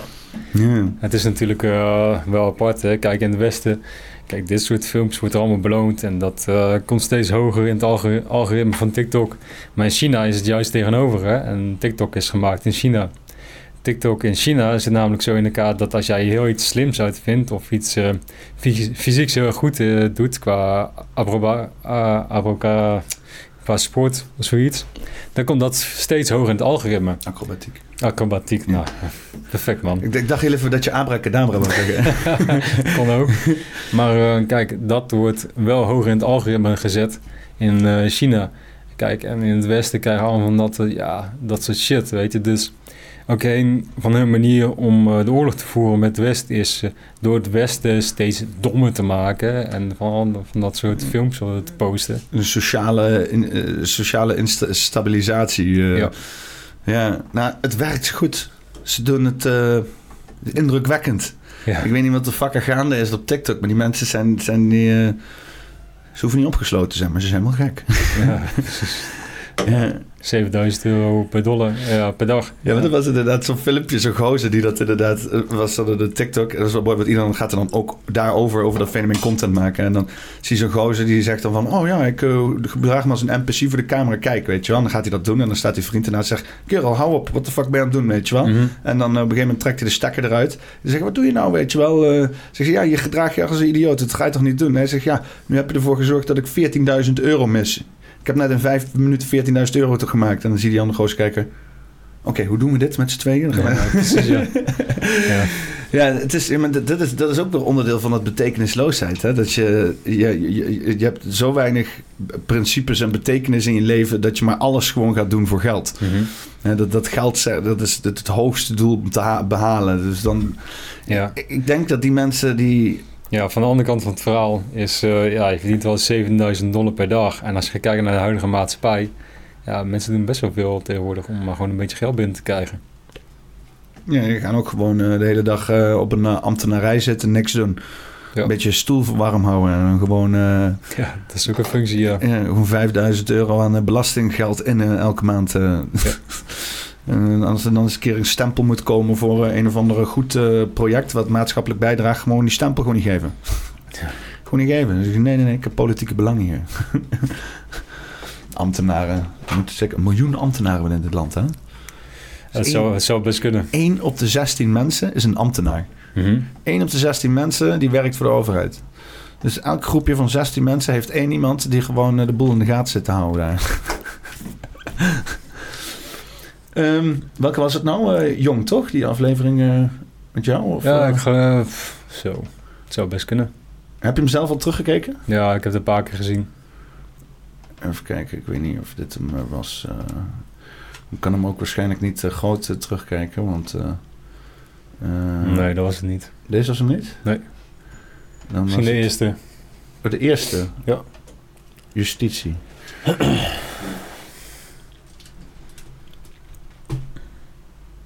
Zo. Eh, en deze gozer is ook echt... eh dat hebben ze ook mooi uitgezocht.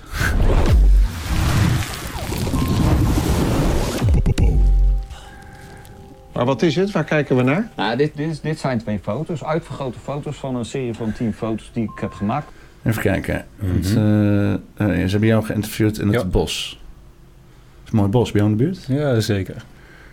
Even kijken. Naties tijdens de coronapandemie belandde hij op de terreurlijst van Nederland. De terreurlijst, wat is dat eigenlijk? Ja, wa- wat het is, ja, je wordt op een lijst gezet en dat je een of andere terrorist bent van Nederland. Een dreiging voor Nederland. Was het een bedreiging? Ehm, het is inderdaad een tegenluid. En ja, per se bedreiging, ja, oké, ja, ze kunnen wel stellen, ja. Inderdaad. En heb je daar dan spijt van? Nee, ik heb er geen spijt van. Nee. Ik vind, als ik nu ga kijken wat de afgelopen paar jaar is gebeurd, hoeveel mensen slachtoffers zijn gevallen van de vaccinaties en de sancties van de overheid zelf, sta ik daar nog steeds achter. Ja. Nou, hoe was het om daar aan mee te doen? eh? Ja, dat was eh, heel iets anders hè, dan dat ik ben gewend. ja? En Wat, wat, eh, wat, wat, wat ben je gewend? Ja, gewoon eh, podcast maken. Ah, ja, ja, ja. Ja, dat soort dingen. Want hoe lang, hoe lang duurde die opname dan? eh? Ja, een dag ongeveer. Ja.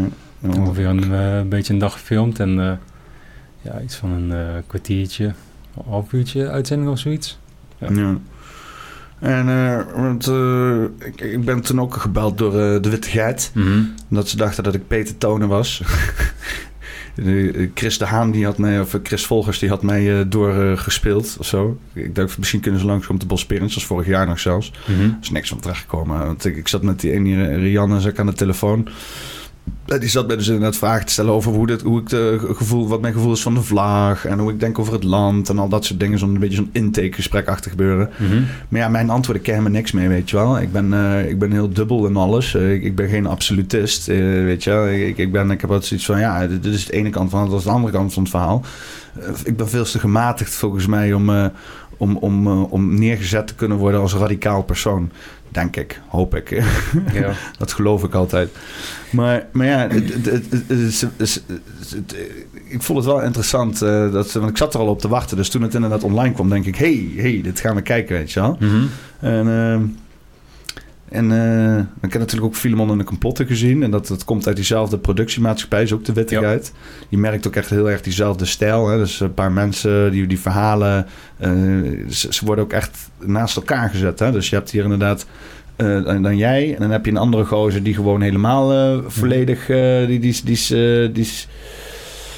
ja, die heeft ook gewoon zijn ideeën laten daarop houden.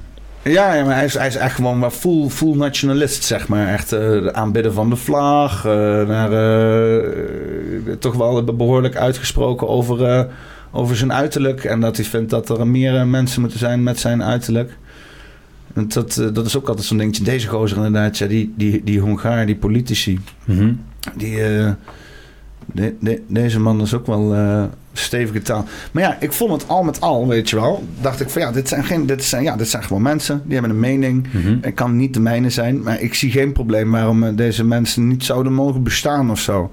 Heb je wel een beetje het idee dat ze, dat ze eer hebben gedaan aan, aan, aan het hele verhaal? Of, eh, Nee, maar dat had ik eigenlijk eerlijk gezegd ook helemaal niet verwacht.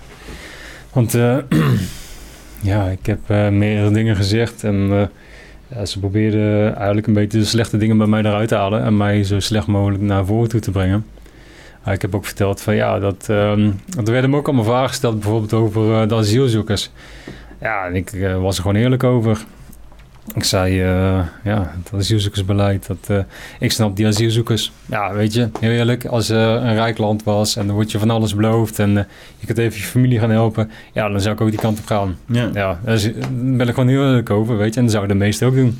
Maar bijvoorbeeld over, er is een stukje nog in dat filmpje over, dat ik me begon uit te, spoken, uit te spreken over ehm, de oorlog dat ik, eh, waar ik mee heb gedaan en dat ik daar een schuld voor aan heb.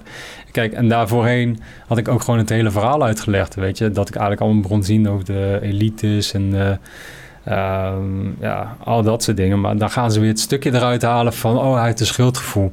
Dus eigenlijk, ja, eh, ik denk dat hun idee is van al die andere, andere militairen die ehm, nou, uit, uit, op uitzendinggebied zijn geweest, dat die dan ook in één keer een schuldgevoel moeten hebben, weet je. Maar ja, ik, heb, ik had gewoon, ik zat in een hele moeilijke eh, periode van mijn leven. Want ik begon allemaal te doorzien dat het, eh, ja, dat de oorlog daar zit, dat klopt gewoon niet. En eh, ik ben erheen gegaan omdat ik mijn land wou verdedigen. En dan kom je er in één keer achter van ja, het zijn eh, best wel veel burgerslachtoffers daar gevallen. En ja, indirect heb ik daar een bijdrage aan meegedaan.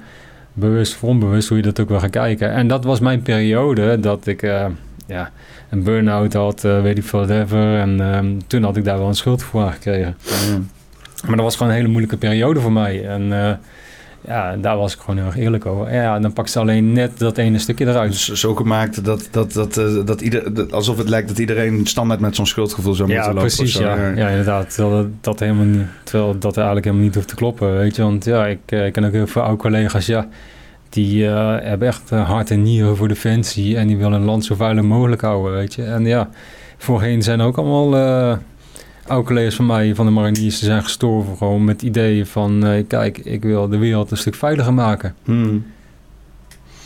Ja, want hier gaven ze wel een beetje het idee alsof jij dan zeg maar hè, door de NCTV in de gaten werd gehouden omdat jij een soort van eh, een muiterij wil plegen binnen Defensie, zeg maar. Ja, Dat is, dat is een beetje wat, eh, wat wel aan de randen lag van dat hele gesprek.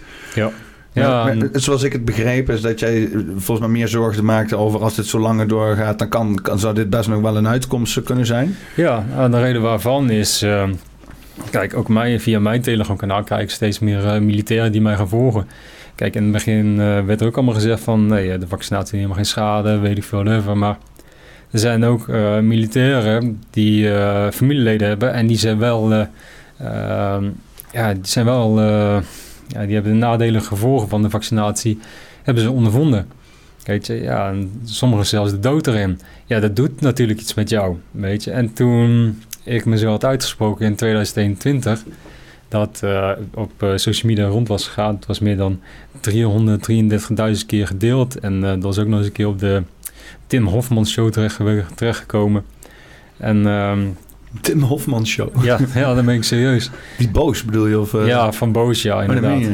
Ja. In welke context dan? Ja, ik heb geen idee. Ik heb het, eh, ik heb het gehoord, maar eh, anyway, dat was Ja. helemaal niet zo eh, belangrijk voor mij. Want eh, ja, ik wou eh, ja, de burgers van Nederland eh, beschermen en ook eh, militairen. Mijn mede-collega's toen de tijd. Van door zich niet te laten vaccineren. Ja. En eh, ik heb het in de context gedaan. En eh, van als ik me alleen over vaccinatie zou gaan uitspreken, dan eh, werd ik weggezet als een of andere complottheorist.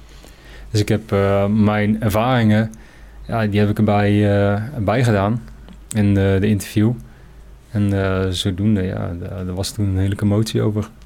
Maar zo probeerde ik eigenlijk een beetje de mensen van Nederland een beetje hoop te geven. Van ja, er zijn ook militairen die aan de kant staan van de burgers van Nederland. En ja, zo wou ik ja, mensen eigenlijk een beetje gaan pushen van de rest nog hoop. Ja. Is er nog hoop? Daar is zeker hoop. ja, dat is zeker hoop, man. Ja, want eh, ja... ja, er beginnen steeds meer uh, militairen en politieagenten bewust te worden. En uh, nou, om weer terug te komen naar die muiterij, waarom dat zo zei, is... Kijk, er beginnen steeds meer militairen en politieagenten wakker te worden. Kijk, en sommigen hebben echt kwaad bloed. Die zijn echt toe bereid gewoon om hele vervelende dingen te gaan doen. Hmm. En uh, daarom zei ik ook erbij van, ja, nou ja, dat is in de zin een, een coup in Nederland uh, door de militairen. En dat eventueel misschien eens een keer muiterij kan gaan plaatsvinden. Als de hoge pieven van Defensie zelf niet acties gaan ondernemen, dan kan er nog wel eens een keer een muiterij binnen Defensie gaan plaatsvinden. Want als ik in de positie zat als militair en ik zat nog bij Defensie en ik wist dat mijn familie uh, onder zat te lijden omdat hun de vaccinatie hadden gekregen wat indirect was opge opgelegd door onze overheid, ja, dan zou ik immens kwaad worden. En dan ben ik toe, echt toe bereid om gewoon uh, ja, met mijn maat iets te gaan afspreken om eventueel voor te gaan zorgen dat die lui gewoon worden opgepakt. En uh, hoe, hoe, is dat gevoel nu? Nu het hele kabinet is leeggelopen zo'n beetje? Ja, ik, ik denk dat het allemaal doelbewust is gedaan. Weet je, en... Uh, Voelt wel heel georchestreerd allemaal, hè? Ja, precies. Één oh, nu gaan jullie allemaal in één keer weg. Totaal niet verdacht. Eén grote poppenkast. ja. uh, poppenkast. Wat is dit voor een poppenkast? Waarom hoor ik dat via de tv? Dat hoor, hoor dat, nee, maakt niet uit. Kabeltjes. Ik heb het studio weer opnieuw aangesloten. Hè, dus alles moet, is weer verkeerd en zo. Het, werk, het blijft nog werk tot nu toe. Maar...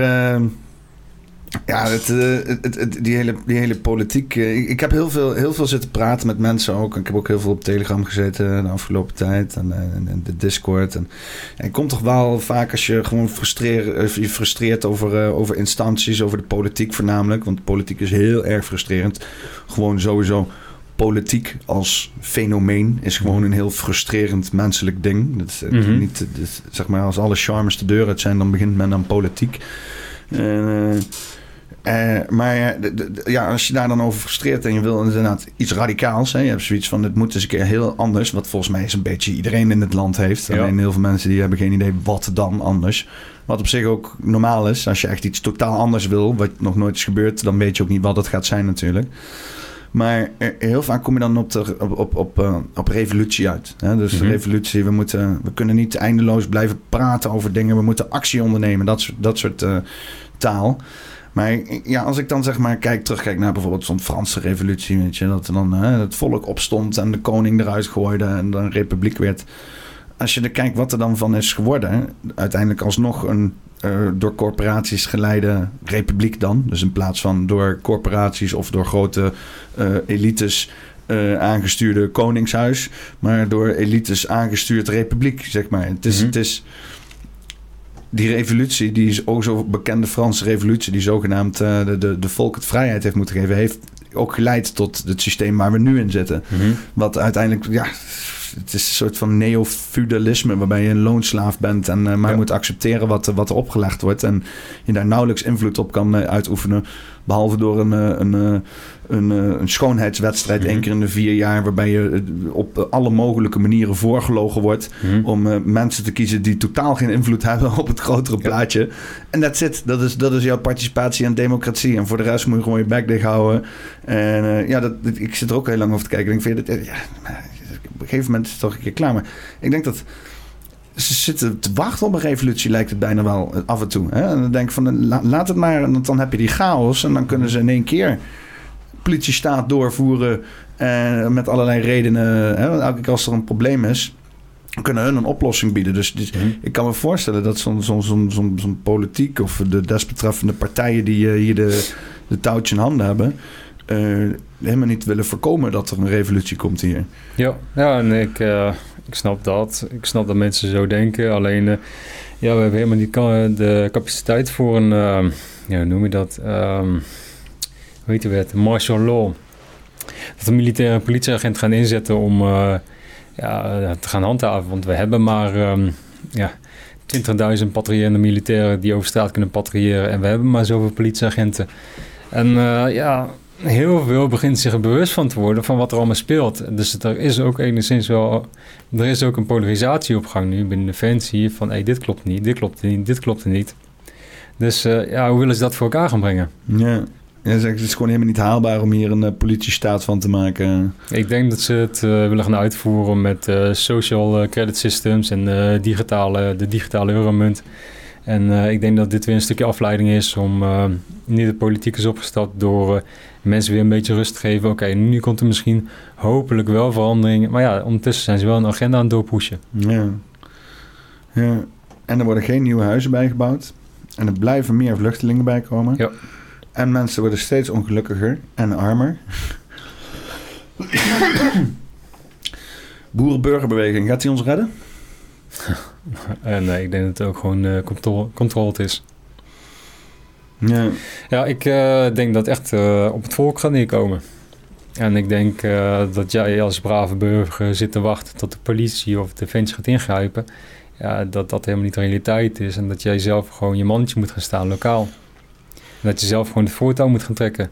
Want eh, de positie ehm, toen de tijd in 2021, toen ik me uitsprak, ja, dat was best wel een, eh, een eh, ja, een, hoe noem je dat? Een stap om je zo uit te spreken.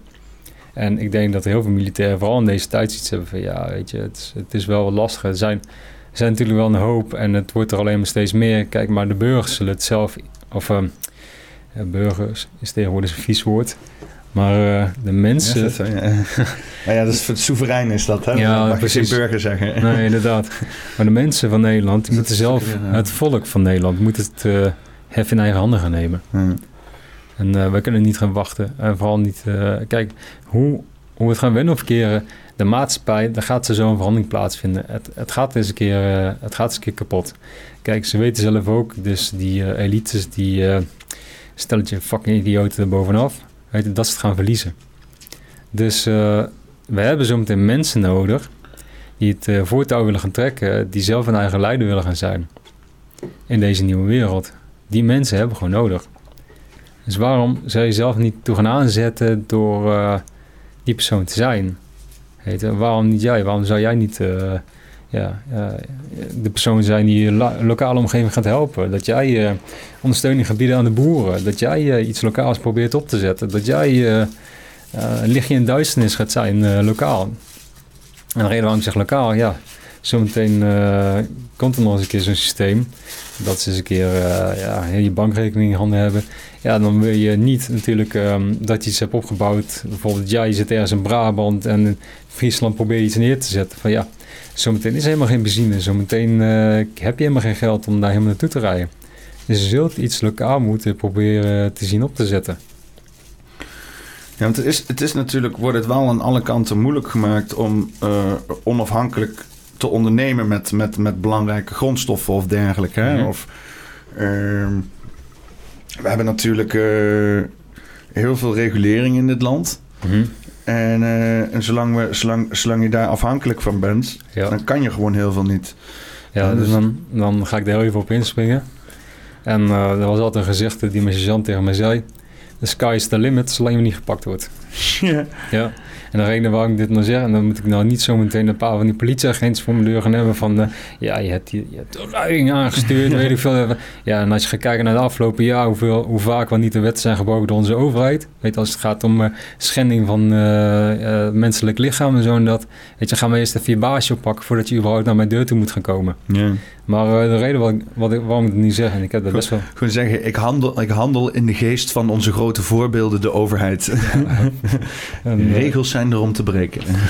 Ja, en dat heb ik zelf, eh, nou, dat heb ik zelf ook af en toe eh, wel eens een keer gedaan bij Defensie. Ja, en de meeste, de meeste guys, weet je, die doen het zelf ook. Bijvoorbeeld, ik had, en ik ga niemand erbij roepen van mijn oude collega's, maar ik, had, ik zat bijvoorbeeld eens een keer in een opleiding en ja, ik zat een beetje te stompen met stof. En ik kwam maar niet uit. En ik ga geen namen noemen, want dus dat wel goed, eh oude collega's. Maar ehm, uiteindelijk hadden we een, eh, een examen voor die stof. En ehm, ja, ik, eh, ik kwam er gewoon niet uit. Ik mezelf, ja, ik ga gewoon compleet falen natuurlijk. En dus de examinator die, het examen ging afnemen. Want we zaten in de klas met eh, een stuk of 11, 12 eh, andere mariniers. Mhm. En eh, hij zei van, oké, ja, jullie gaan zo meteen het examen doen. En hij had een papiertje. En hij zei, oké, dit is, als jullie terugkomen na de pauze, dan ga ik meteen het examen doornemen voor jullie. En dan, hier staan alle antwoorden ook op. En ja, dan kunnen we vandaag meteen kijken naar het examen of jullie zijn geslaagd of niet. Dus dat papiertje legde hij zo terug in zijn bureau. En hij zei, oké, ja, jullie gaan nu pauze nemen. Dus we liepen allemaal de deur uit. En eh, toen zei een eh, van mijn eh, collega's toen de tijd van... Hé, hey, heeft hij de deur op slot gedaan? Ik keek eens aan, fuck. Nee, dat heeft hij niet gedaan. Ik zei, oké. Is hij weg? Ja, hij is weg. Oh. Toen gingen we z'n allen weer terug naar binnen toe. Toen zijn we gewoon echt... eh, heel het examen geweest doornemen. Oké, dit zit zo en zo en zo in elkaar. En dit zit zo en zo in elkaar. En oké, fuck, ja, dat hebben we, weet je. Ook voor de hele klas gewoon. eh, Ja, ja, ja, ja, we gingen het er wel een beetje eh, doen alsof, weet je. Dat, eh, Iedereen een voldoende. Inderdaad. En eh, nou ja, het, eh, uiteindelijk werd erbij gezegd van... eh, Oké, ja, Nick, ja, weet je, jij snapt het helemaal niet zo goed. Dus eh, je moet wel een beetje de minste worden van de klas, weet je. en eh, oké, ja, fuck it. Oké, dan gaan we het doen. Dus uiteindelijk eh, ja, gingen we weer braaf eh, terugzitten in de klas. En eh, nadat de leraar als eerste, of de examinator als eerste in de klas eh, was gekomen... Dus uiteindelijk gingen we weer zitten. Eh, hadden we weer een papiertje van het examen. Gingen we, gingen we maken. En, het, en toen mochten we het papiertje weer gaan inleveren. Want het was het einde van het examen. En toen ging hij alles doornemen. En toen zei oké, ik heb het gecontroleerd. En ja, ik ga even de namen af. Die eh, van het beste naar het meest laagste. Dus eh, ja, een van mijn collega's werd opgenoemd. En als tweede werd mijn naam opgenoemd. Mick. Huh? Ja, je hebt eh, een eh 9,2. Dat meen je niet. Dus al die guys, al die mariniers zaten maar dus aan te kijken. Vuile, vieze teringleier dat je bent. Veel te hoog gescoord. Ja, veel te hoog gescoord. En, eh, Gretig. dus die leraar zei ook van, zie je nou wel, als je gewoon meer zelfvertrouwen in jezelf hebt, gewoon een keer best wel makkelijk. Ja, ja, zeker waar. Ja, maar dat bedoel ik, hè. Ik bedoel- Komt allemaal door jou, goede leraar. ja, precies. Maar wat ik eigenlijk probeer te zeggen aan de mensen zelf gewoon is, kijk, ja, sommige regels, sky is the limit, ja, zolang je niet gepakt wordt. En als jij het doet van te goede voor je medemens, ja, waarom zou je dat dan niet doen? Ja. Ja. Ja, ik heb, eh, ik, ik heb zelf altijd eh, eh, zoiets met... tegen systemen mag je liegen, zeg maar. Dat is, dat is mijn... Het zijn geen mensen. Hè? Het is niet alsof ik iets met een, een geest of een, een wantrouwen heb. Ik probeer eerlijk te zijn tegen alle mensen. Mhm. Zoveel mogelijk. Ik ben ook niet altijd eerlijk. En eh, eh, eh, maar systemen is niet... want Het wordt heel veel wijsgemaakt van dat wij eerlijk moeten zijn tegen systemen, weet je wel. Of dat dan het beoordelingssysteem is van een, van een instituut... of dat dan een belastingssysteem is van een staat... of dat dat een, een, een, een justitieel systeem of een verzekeringssysteem... weet ik veel wat. Ehm, moreel gezien, dat, dat hoeft helemaal niet zeg maar. Weet je wel? Het is een systeem. Dus op, dat is opgezet om iets te bewaren. En als dat systeem gefukt kan worden... Ja, dat is een fout van het systeem. Mhm. En helemaal als je een systeem hebt... dat eigenlijk sowieso immoreel is. Hè? Ik vind bijvoorbeeld het eh, belastingssysteem... Vind ik, eh, ik bedoel, ik ben helemaal niet tegen absoluut geen belastingen... maar als je ziet hoeveel belasting er nu wordt geïnd... Bijna, bijna 2 miljard per dag inmiddels, hè? Zo. Wordt er geïnd. Nou, dat is... eh, elke dag gewoon 2 miljard. Tuurlijk. Het is echt, eh, het wordt zoveel geld. ge- Het gaat helemaal nergens over. Ja, de meeste eh, mensen die zitten allemaal op een stokje te bijten. Ja. Ja, en dan gaan zelfs, ja, dat vond ik echt zo diep triest. Dan gaan sommige kinderen in Nederland wel, wel gewoon naar school toe zonder ontbijt. Weet je, ja. Dat, Ja, maar, en wat gaan ze doen? Nog even de, de benzine verhogen, weet je wel? Ja, nou, dat- waardoor om dat alles, er wordt alles duurder door als je de benzine verhoogt. Precies. Ja. Alles wat ergens heen moet, wordt duurder dan. Ja, en dan eh, mensen komen al niet rond. Ja, en, dan, en waarom? Omdat we het klimaat willen beheersen. Mhm. Dus het is megalomaan als fuck, jongen. Dat slaat helemaal nergens over. Nou ja, ik heb best wel een goede oplossing daarvoor. Kijk, als je allemaal het klimaat wil gaan beheersen, kijk dan. eh, waarom eh, zet je niet een bepaald systeem op dat iedereen gewoon zijn eigen st- stroom kan voorzien? Weet je, dat je gewoon je eigen stroom kan opwekken. En die technologie, dat, dat is er al lang. Er was een paar maanden geleden was daar een uitzending over op de Joe Rogan Experience. Dat er mensen zijn die hebben gewoon de Tesla-machines, die hebben ze gewoon helemaal nagemaakt. Hm. Waardoor mensen gewoon zelf hun eigen stroom konden gaan opwekken in huis. Dat is toch ideaal? Ja. Dan zijn we meteen van heel de gezeik af. Dan kan je gewoon zelf je eigen stroom opwekken. Dan kan je zelf gewoon eventueel eh, van A, A naar B te gaan met die ja, soort van elektrische auto's. Want ja, die dingen zijn tegenwoordig ook niet meer veilig. Dat was, eh, afgelopen week was er ook een boot mee afgefikt, omdat één zo'n... eh, Alles vliegende fek, ja. Ja. Fietsen vliegende fek. Moet je je voorstellen dat jij 50 jaar terug in de tijd gaat naar je opa toe en je zegt, ja, we leven tegenwoordig in de tijd dat fietsen in de vlek vliegen. Aan een lopende band. Overal fek in de fietsen. Vraag ik ook af, hoezo vliegen de fietsen in de fek? Kan toch helemaal niet? Ja, is, is modern. Is modern. Het is een verbetering van de fiets. Nu vliegen ze in de fik. ja, precies. Maar je hoeft niet te trappen. Ja, precies. Dat juist eh, goed voor sommige mensen zou zijn. Ja, ja, ja. Dus, eh, en je bent dik en je huis fikt af. En je huis kan niet geblust worden omdat er zonnepanelen op het dak lagen. Ja. En dat gehoord hier in Arnhem. Was een, eh, hele, hele rijtjeswoning was afgefikt. Ze kon het niet blussen vanwege de zonnepanelen. Want ja, het moet van boven naar beneden geblust worden. Oh ja? En la- lagen die zonnepanelen en die werkte als een paraplu. Mhm. Dus de hele tent afgefikt, konden ze niet blussen. Ja. Duurzame agenda. Zie je, dit is gewoon een kleine machine in je huis om je eigen stoom op te wekken. Ja, het is natuurlijk eh, helemaal dichtgebouwd door... eh, want het is sowieso... volgens mij mag je niet zomaar je elektriciteit eh, opwekken en zo. Nee. En eh, dat, dat is ook dus helemaal dichtgereguleerd. Hè? Mhm. Dus dat je... Ja, die, die, die, die industrieën, die grote industrieën... Dus in dit geval de energieindustrie. Big Energy. Ja, die hebben dat zo moeilijk gemaakt met vergunningen... Met, eh, met lobbyen voor bepaalde vergunningen. Waarbij dan... Dan gaan ze lobbyen zeg maar voor bepaalde regelgeving. Hè? Van ja, ja, nee, nee, er moet regelgeving komen. Want wij moeten natuurlijk ook voldoen aan de regels. Hè? Mhm. Maar wat ze eigenlijk doen is regelgeving implementeren die, waar hun heel makkelijk aan kunnen voldoen. Maar alle nieuwe mensen die instappen in de markt, die, dan kost het een godsvermogen om daar mee te doen en kunnen daar onmogelijk aan voldoen. En zo creëren ze die monopolie. En dat doen ze in elk industriegebied. Maar dat, dat zit dus nu, ja, dat zit met die. Inderdaad, als je dat gewoon zo vrijgeven, je wel, moet je gewoon eigenlijk gewoon alle overheidsregulatie, mensen die dat doen en die vergunning uitgeven, gewoon helemaal opdoeken en ben je klaar. Ja. Ja, En dan kan dan zo groot als dan, dan kan er echt ook weer een vrije markt ontstaan waarbij er concurrentie is en zo. Want dat heb je gewoon niet. Heel veel mensen denken dat we in een kapitalistisch systeem leven, maar Mhm. dat is helemaal niet zo. Nee. Nee, daarom, en waarvoor doen we het eigenlijk? Voor 0,0000038 procent om de opwar- opwarming van de aarde tegen te gaan. Binnen, binnen één dag heeft China eh er er doorheen gejast wat wij in een jaar zouden Ja, besparen. Ja. Ja.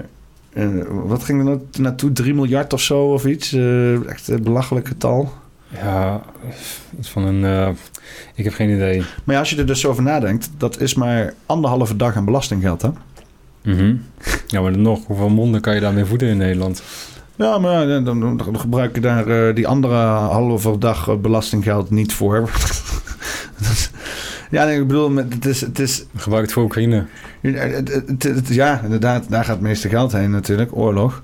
Maar ja, dat is vaak om. Ik, ik, hoor vaak altijd die bedragen. Hè? Dan hoor ik hier miljard hier, miljard daar, ongelooflijke bedragen. Ik kan je bijna niet voorstellen, een miljoen is al. K- Kan je je voorstellen hoeveel eh, stapels papieren een miljoen is? Ja, volgens Leg me net aan of je hebt eh, briefjes van 20, 10 of 5. grootste briefjes, briefjes van 500. Volgens mij is een miljoen zijn dan iets van eh 10 stapeltjes of zo. En 10 van, 10 van zulke stapels, dan heb je een miljoen. Maar ja, als je dan een miljard hebt, dan heb je dus duizend keer zoveel. Weet je wel? Dan heb je, heb je eh, eh, duizend van dit soort stapels. Mhm. Eh, of tienduizend. En eh, ja, hoeveel is dat? Dat is een hele tafel vol in één keer of zo. Maar ja, het zijn gewoon gigantische bedragen. Je kan het bijna niet voorstellen wat een miljard is. En eh, ja, dan wordt dan even hier en daar gespendeerd. Maar ze trekken natuurlijk binnen anderhalve dag een belastinggeld binnen. Maar dan denk je van, joh, als we zoveel, als letterlijk hier de hele maand gebakkeleid wordt over dit bedrag. En dat wordt dan zo gefocust uitgegeven aan dat ene doel. En aan de andere kant trekken we tien keer zoveel binnen in die tijd dat ze erover aan het bakkeleien zijn. Waarom kunnen we dan niet zo'n beetje alle problemen oplossen die we in dit land hebben? Voor, voor, voor- hoe- hoeveel trekken ze binnen? 400 miljard per jaar? Mhm. Ik kan toch, ik kan toch 10 miljard gebruiken om gewoon iedereen die fucking arm is in ieder geval... eh, Ja, ze zeggen allemaal het is moeilijk hè, en eh, het is allemaal lastig en zo. En eh, het is helemaal niet moeilijk, het is gewoon een kwestie van prioriteit stellen, weet je, waar je al dat geld heen wilt sturen. gratis OV of zo, weet je wel? Gratis OV. Ja, bijvoorbeeld, nou, maar dat, weet je, dan wek je toch een veel betere eh, maatschappij op. Want je stimuleert mensen om te gaan reizen, bijvoorbeeld naar universiteiten. Daardoor... En ook gewoon de auto te laten staan. Maar dat rustig Nou, op de dat- weg. Maar bijvoorbeeld dat. Maar eh, mensen die bijvoorbeeld eh, geen auto kunnen kopen, weet je, die kunnen dan wel naar een bepaalde, bepaalde school te gaan om zichzelf te gaan ontwikkelen. ja, daardoor bouw je ook weer een stevige maatschappij op. Ja, ik denk als je dan het gratis OV en gratis school doet... voor die eh, 400 miljard per jaar... wat volgens mij prima kan... Hè? dan maar eh, gewoon de helft minder ambtenaren... en eh, misschien even een paar eh, ministeries opdoeken... kunnen dan meteen allemaal volgepropt worden met vluchtelingen en zo. en, en dan... dat, moet toch makkelijk kunnen? Een half, een half miljoen ambtenaren... die dan allemaal, weet ik veel, zeggen drie, 3000 euro... ja, dat is, dat is dus anderhalf miljard bespaar je dan weer per, per, per, per maand. Per maand. Nou, kan je toch wel, eh, kan je toch wel eh, een beetje gratis OV voor, eh, voor fix, toch? Voor eh, anderhalf miljard. Ja, het zou, het zou best kunnen. Ah, het is zo'n oplossing, hè. Kijk, eh, het geld wel besteden voor je medemens... in plaats van eh, ja, het geld maar blijven spenderen aan een oorlog. Bijvoorbeeld in Oekraïne. En, eh, en eh, waarom, heel eerlijk? Want eh, ja, als jij de vraag van... oké, wat is het verschil tussen eh, Oekraïne... en wat is het verschil tussen Irak en Afghanistan? Waarom was het Westen... Waarom werd er zo minder commotie over gemaakt in de media... toen we Irak en Afghanistan gingen binnenvallen... en waarom wordt er nu in één keer wel zo'n eh, commotie eh, uit opgemaakt... Nou, heel toevallig hebben de meeste mensen ook een allemaal experimenteel vaccintje eh, ingenomen. Weet je, en dat zorgt dan voor een grote oversterfte. En ja, dat willen we natuurlijk niet in de media hebben. Dus we moeten mensen natuurlijk gaan afleiden. Nee, eh, Oekraïne, laten we daar gewoon van alles nog wat over maken in de media. En gewoon om maar mensen af te leiden. En dat is ook weer interessant met Po-nieuws, met Rutger. Is, eh, ik had er zelf ook over van, eh, kijk, ik, ik heb nogal lijntjes lopen her en der. En ik had iemand die bij het Nederlands Forensisch Instituut zat van Nederland. En daarmee had ik ook heel even een gesprek. En hij zei zelf ook van ja, we weten dat het door de vaccinatie komt. Hey, maar dat heb ik zelf ook uitgesproken op Po-nieuws. Alleen ja, dat is natuurlijk niet zo interessant als dat op tv gaat komen. Nou ja, er zijn ook gewoon mensen die het niet willen horen, weet je wel. Die, eh, er zijn heel veel mensen die het... eh, ja, die hebben dan eh, zeg maar eh, iets meegemaakt... waarbij ze gewoon heel graag vasthouden aan het feit dat het niet komt door de vaccinaties. Maar dat is natuurlijk ook ge- geconfronteerd met eigen keuzes en zo. Ja, cognitieve dissonantie. Ja, en ik denk dat je vooral ook bij heel veel media daar... maar het, het gaat volgens mij wel langzamerhand... Je mag er nu al wel over praten, zeg maar. Mhm. Dat is al één ding. Hè? Op YouTube, als je dit eh, twee jaar geleden deed... dan ben je meteen van YouTube afgeknald. Ja. Dan kan je er ieder geval over lullen. Dat is één ding. Maar, eh, maar ja, de, de, de, de buiten is binnen. Hè? Mhm. Dus eh, juridisch gaat er in de Big Pharma niemand vervolgd worden. Mhm. Want die zijn helemaal dichtgekit door, door de politiek. Iedereen in de politiek is nu, is nu weg, is nu ge- gewoon gehouden. Ja. En dan komt er waarschijnlijk nu een, eh, een, een kabinet of iets dergelijks. Zo zie ik dat voor me, die dan echt zogenaamd het volk representeert. Mhm. En dan eh laat ze de hele zooi klappen. En dan zeggen ze, zie nou wel? Ja. ja, dat zou ook heel goed kunnen. Maar ja, ik geloof niet dat die mensen ermee weg gaan komen. Nee? Nee, nee, ik denk dat er zoveel haat en woede is onder de mensen zelf. Gewoon dat ze op een gegeven moment zelf zoiets hebben van... Ja, weet je wat, fuck it. En er is ook nooit iemand eh, terechtgesteld voor bijvoorbeeld een 9-11, hè? Ja, Osama Bin Laden, die eh, Mhm. gefinancierd werd door eh, de Safari Club en de, De Mujahideen. Ja. Ja. Eh, dus letterlijk is daar gewoon een lijntje te vinden. In de jaren 70 heb je eh, de Safari Club, waren gasten in Afrika vanuit eh, de inlichtingendienst in Amerika. En die waren constructief de Mujahideen aan het sponsoren. ja, klopt. Om de Russen tegen de Russen te vechten. Mhm. En diezelfde connecties, daar komt dus dan schijnbaar die Bin Laden vandaan. Alleen Mhm. dat is dan in één keer staatsvijand nummer één. Dat is natuurlijk zo schimmig als shit allemaal. Natuurlijk. Maar ja, dus, dus dat, daar, ja dat, dat daar inmenging in zat vanuit westerse inlichtingendiensten bij die hele 9-11. Dat is zo klaar als, eh, als een klontje. Ehm, maar daar gaat niemand over, eh daar gaat niemand berecht worden. Weet je, er komt nu ook naar buiten dat de CIA iets te maken had met de moord op eh, John F. Kennedy. Hè, Je hebt notabene Robert F. Kennedy die aan het vertellen is dat het van de CIA is. Je hebt ook documenten die naar buiten zijn gebracht waarin staat dat zij die, Os, die Oswald... Mhm. Eh, eh, ja, maar dat, dit ja. soort informatie komt nu steeds meer naar buiten toe. Ja, maar er gaat geen, er gaat geen verantwoord. Al die ze wachten vaak net zo lang met het uitbrengen van de informatie totdat mensen dood zijn en dan kunnen ze niet meer berecht worden. Ja, nu nog niet. Hm? Ik denk dat het een tijdje nodig heeft voordat mensen zoiets hebben. Weet je wat, ik heb alles verloren. Fuck it, gewoon. Ik ga gewoon mijn leven, leven maken gewoon door die gast achterna te gaan zitten. Hmm. Hmm. Want ja, dit soort informatie komt nu allemaal naar buiten toe. Ja, en mensen hebben even de tijd nodig te hebben. Weet je wat, fuck it, oké, plan de campagne. Hoe ga ik dit aanpakken? Ja, er zijn veel eh, psychopaten hoor in deze wereld. En als die psychopaten alles hebben verloren, ja, wat hun lief was. Ja. Ja, ja. Ja, ja, ik denk wel dat... eh, ja, er staat altijd ook wel weer een nieuwe psychopaat op, zou je zeggen. ja. Ja. Ik, eh, maar ik geloof, nou ja, zoals ik een beetje kijk naar de dingen die ik nu, nu allemaal zie en de informatie die ik allemaal binnenkrijg, is dat eh, steeds meer mensen bewust beginnen te worden. En eh, kijk, ook qua militair. Kijk, voorheen hadden mensen dit niet voor ogen dat dit zou gaan gebeuren, dat we aan het winnen waren. Maar we zijn nu gewoon aan het winnen. Oké, ja, wat is de volgende stap? Als je gaat kijken naar de Tweede Wereldoorlog. Ja, na de Tweede Wereldoorlog, toen, eh, kijk, de Duitsers die hadden een beetje hetzelfde voor ogen. Gewoon, we willen gewoon en, eh, en liefst gewoon de wereld willen gaan overheersen. Of eh, ligt er maar net aan hoe je het verhaal gaat kijken van de Duitsers. Maar anyway, uiteindelijk eh, de mensen die het dan proberen te zieken na de Tweede Wereldoorlog, die werden ook gewoon opgejaagd. En ik geloof dat de geschiedenis gaat halen daarin. Ja, tribunalen.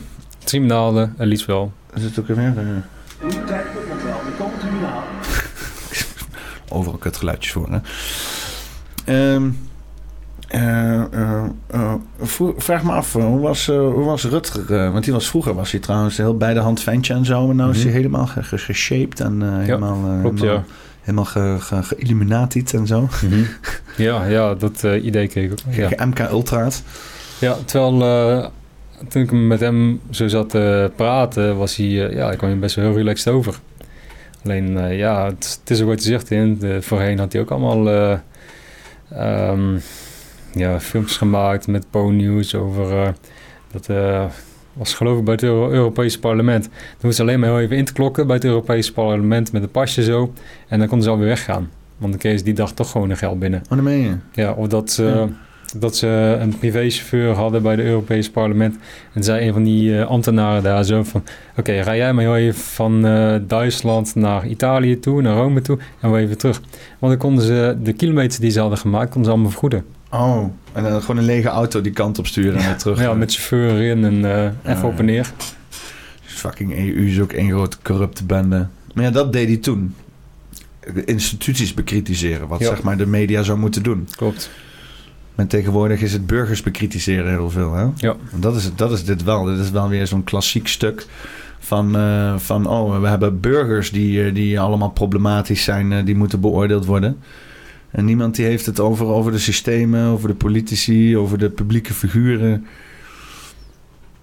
Ja, maar het is wel nu een beetje allemaal te, te doorzien. Hè? We weten nu al eigenlijk ehm, wie ehm, een bepaald narratief probeert eh, te creëren.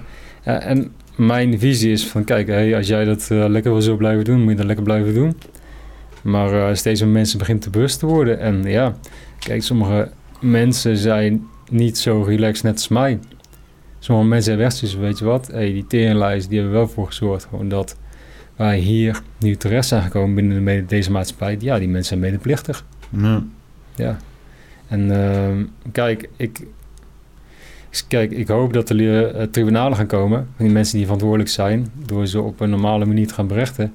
Maar ja, als we gaan kijken naar de geschiedenis, hoe dat allemaal is gegaan op eh, sommige plekken. En dat sommige mensen zelf het eigen eh, initiatief hebben genomen. Touwtjes in handen. Ja. Ik hoop dat er mensen zullen, zijn in de toekomst die er bijvoorbeeld boven in de poli- politiek zitten. Of bij het eh, politiekorps of weet ik veel. Dat ze iets hebben van, ja, maar wacht eens even. Dit klopt gewoon niet. Ja. Hier wil ik niet meer aan meewerken. Hij had wel, eh, ik heb een politieagent eh, hier op de podcast gehad, eh, Ilias Balkenbier. En, eh, maar die gaat dan volgens mij uit nou, weet je Mhm. wel. Gaan de goede gaan weg. Ja. Denk ik, trek het allemaal niet, laat maar. Ja, ja, maar je hebt ook sommige mensen die erbij blijven. Hè? En ja, waarvan ik weet is dat er eentje bij is. Ja, die is gewoon behoorlijk pist. Hm. Die heeft gewoon echt kwaad bloed. En die wil gewoon echt het systeem van binnenuit gewoon helemaal kapot maken. Hm. Kijk, en die heb je zelf ook. Hm. Ja. Wat als het blijkt, want er komt steeds meer allemaal dingen naar buiten. Hè? Dus eh, alle complotten komen bijna uit zo'n beetje. Mhm. Eh, eh, wat als het blijkt dat we al die tijd werden geregeerd door aliens? Zo. dat is een goede vraag. En wat dan? Mm, ja, ik denk dat een hoop mensen daar niet mee kunnen kopen. Dat, dat, dat, dat in die tribunalen zit en dat naar buiten komt van... Ja, luister, dit moet allemaal van de aliens. Sorry, man. Ja, ja precies. Ja, ja, wie weet. Ja. ja, ik heb geen idee, man. Ik denk dat hoop mensen zelfmoord zullen gaan plegen. Ja, denk je echt, ja? Ja, ik denk het wel. Want eh, ja, mensen die een bepaalde houvast, die houden niet van verandering. En die hebben leven geslaaid aan dit systeem. Aan hun zogenaamde hun werkelijkheid.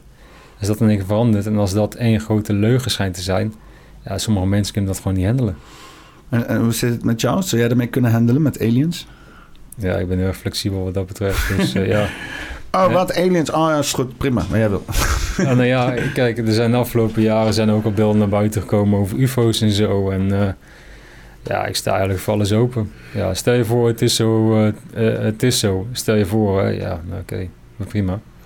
Ja, hoe kan ik het werkbaar maken en hoe kan ik een zo goed mogelijk leven erin leiden? Zou je niet een, eh, eh, eh, een kans willen krijgen om het leger in te gaan in, in, in, in bij de aliens? Het is een, een soort. eh, Space, space warfare. Space, for, Space Force, ja, zoiets. Ehm, eh, ja, Om de planeet te beschermen dan, hè? om de planeet te beschermen, ja. nee, ik voel eigenlijk er momenteel niet zoveel voor. Momenteel ehm, heb ik zoiets van, ik, ik wil een balletje hier gaan oppakken hier in Nederland. Ik geloof dat er een hoop mensen zometeen eh problemen gaan krijgen met zichzelf. En eh, mijn toekomstidee is ook door eh, uiteindelijk iets gaan opzetten. En dan een beetje Oeah Marinier-stijl, maar dan in combinatie met spiritualiteit. En de reden waarom ik dat zeg is omdat er een, ehm, een project was door de CIA, dat heette Project Trojan Horse. Mhm. En dat project was toen op, opgestart om special forces op te leiden in mindfulness. Oké. Dus eh, meditatie, ademhalingstechnieken. En doordat ze dat eh beoefenden, werden hun skills ook veel beter. Dus ze konden ook veel beter schieten, dus ze konden ook veel beter functioneren. Hun herstel ging ook veel beter op vooruit. En als je gaat kijken naar ehm, eh, mediteren, er zijn nu zelfs sommige dokters in Engeland die meditatie voorschrijven als een soort van tegen-antidepressiva. Ja. Dus eh, dat is dus een van de dingen die ik in de toekomst zou willen doen. Ook een beetje voor de jonge jeugd. In plaats van ehm, ze beeld geven, kijk, de moeilijke dingen die op je pad allemaal komen. Door ze daar gewoon een stukje eh, sterker voor te maken. En dan kun je doen door bijvoorbeeld, hey, je hebt een stormbaan. En het is koud en het is nat en zo. Kijk, in het begin zou je dat mega kut vinden. Maar als ik jou er tien keer overheen laat eh, stormen, zo'n beetje over die stormbaan. Ja, dan vind je het eigenlijk helemaal niet zo erg. Dan word je wel mentaal een stuk sterker door. Ja. Ga dat in, in combinatie doen met een stukje mindfulness, een stukje filosofie. Dat is filosofie, filosofie over, eh, van de oude Grieken. Het is eigenlijk een soort van mindpillen quotes, noem ik het. Bijvoorbeeld eh, de kwaliteit van je gedachten eh, wordt bepaald door ehm, de quality of thought is... eh, zo, nu ben ik hem wel even kwijt. Maar we leiden niet door omstandigheden, maar door het aantal en emoties dat we aan iets geven. Ja. Dus bijvoorbeeld ehm, eh, sommige veteranen die een eh, missie hebben eh, gedaan. En waarom heeft de ene wel heel veel PTSS en de andere weer niet? Kijk, en ik wil, kijk, iedereen hoe die daarmee omgaat is op zijn eigen manier. Maar de ene kan er veel beter mee kopen dan de andere. Ja, waarom is dat zo? Want het is niet de omstandigheden waarom we lijden, maar het is het aantal emotie dat we aan geven waarom, waarom we eronder lijden. Mijn opa die heeft in de het Jappenkamp gezeten en die heeft eh, eh, best wel nodig en meegemaakt. En eh, die is ook zelf eh, huurling geweest. En eh, ik eh, vroeg hem dus over eh, PT6. Dus, eh, hoezo heb je er nooit mee zitten kampen? En ja, zijn mindset was, ja, wat is dat? Ja. Ja, snap? En eh, de- kijk, sommige militairen die hebben dat. En ik, ik leg ze helemaal niet in een negatief beeld. Hè, maar ik, ik zeg ze alleen dat... eh, kijk, vaak is het namelijk zo met de psycholoog... is van, er zit een bepaalde beoordeling erbij. Van die zegt erbij van... Oké, ja, je hebt symptomen, je bent depressief... of je hebt eh, mogelijk PTSS. Als jij ermee begint te identificeren... gewoon van, ja, oké, ik heb PTSS... of ik ben eh, depressief... ja, dan ga je er ook naar gedragen. Ja. Weet je, en nogmaals, ik kan niet voor iedereen spreken die PTSS heeft of depressief, weet ik veel. maar ehm, het is wel een van de oudste Griekse gezegdes, is dat wij niet lijden door omstandigheden, maar het aantal en emotie dat eraan geven. Hm. Dus een, stu- een stukje mentale weerbaarheid eruit creëren, kijk, dat zou ik ook iets vinden voor de jeugd. En dat is eigenlijk eh, waar ik heen wil gaan in de toekomst. En dat moet ik hier in Nederland gaan doen. Ja, mooi. Dus eh, bijdragen, mentaal weerbaar maken van zaken. Ja, precies. Ja. Toekomstige leiders. En dat kan wel eh, met, eh, met al die. ja, heel veel. Er wordt bijna. Ik denk dat het hoort ook bij dat stukje materialisme en consumentisme. Is Mhm. zeg maar die eh, verantwoordelijkheid buiten jezelf leggen. zodat je het kan eh, oplossen door te kopen. Ja. Hè? En dat, dat, eh, ja, dat is nu helemaal geïntegreerd in de samenleving. En het trekt de hele boel los. Mhm. Mensen die zitten in een, in een, in een eindeloze cirkel van. Eh, Kopen, kopen, kopen om maar geluk te krijgen. ja, ja, eh, het is een soort chasing the dragon, weet Ja. je. Dat ze proberen maar dat gat te vullen wat ze, waar ze niet mee bezig zijn... omdat ze bezig zijn met de, de, de toegang die ze willen hebben... om eventueel dat gat te vullen... in plaats van dat ze gewoon direct bezig gaan met dat gat te vullen. Ja. Zeg maar, dus ze, ze missen iets in hun leven... mhm. En, en dan, dan gaan ze nog meer werken, eh, nog meer substanties doen, nog meer Mhm. kopen om, om bij dat gevoel weg te blijven. Ja.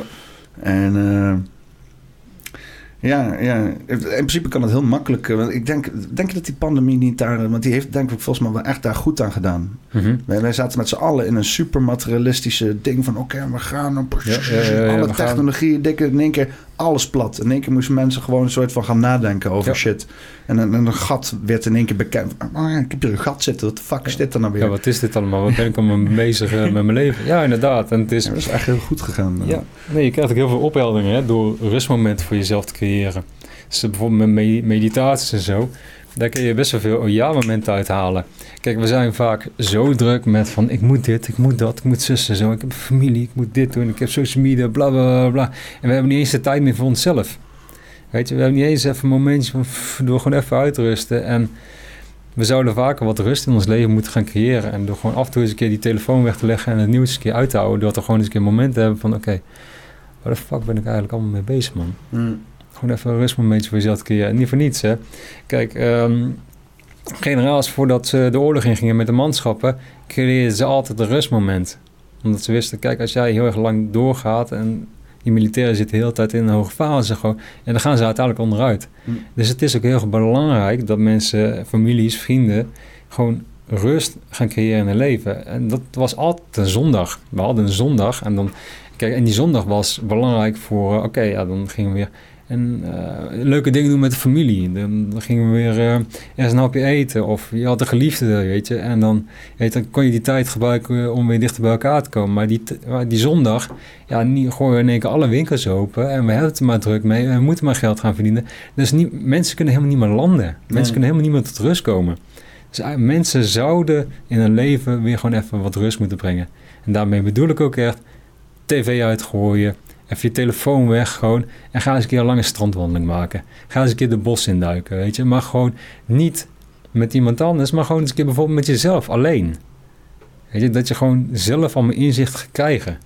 Dus je zegt van, wow man, hey, eh, klopt dit wel, klopt dit wel. En eh, even landen, weet je. Ja. Ik heb nog één vraag voor je. Dan gaan we denk ik een beetje richting een einde werken. Eh, zoals bij, eh, bij, de, bij de docu eh, werd gezegd, zeg maar, je, je staat op een NCTV-lijst of zo. Ja, ik stond op de terreurlijst van Oh, Nederland. Oh, niet meer? Nee, niet meer. Oh, nice. Maar wat merkte je daarvan? Uh, ja, wat ik daarvan merkte is, uh, nou, er was een rapport over mij geschreven dat ik een uh, gevaar was voor Nederland en een terrorist. En ja, dat rapport had ik binnengekregen. En, maar ik was nooit ondervraagd. Kijk, mijn familieleden die waren wel ondervraagd allemaal door de politie en door de Koninklijke Marché. Maar ze hebben mij altijd buiten gehouden. En um, er was, uh, ja, nadat, ik me had uitgesproken, had de politie en de antiterreureenheid van Nederland een rapport over mij geschreven en er meldingen van gemaakt. En dat is uiteindelijk uh, doorgekomen naar uh, een oud-commandant van Doorn, van de mariniers. En die had er op een gegeven moment een melding van gemaakt.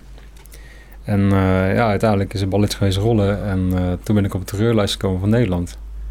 Maar ik heb toen de tijd nooit kunnen uitleggen waarom ik het allemaal had gedaan. En het is er maar gewoon van gemaakt. En er stonden ook allemaal onzinverhalen in het rapport van...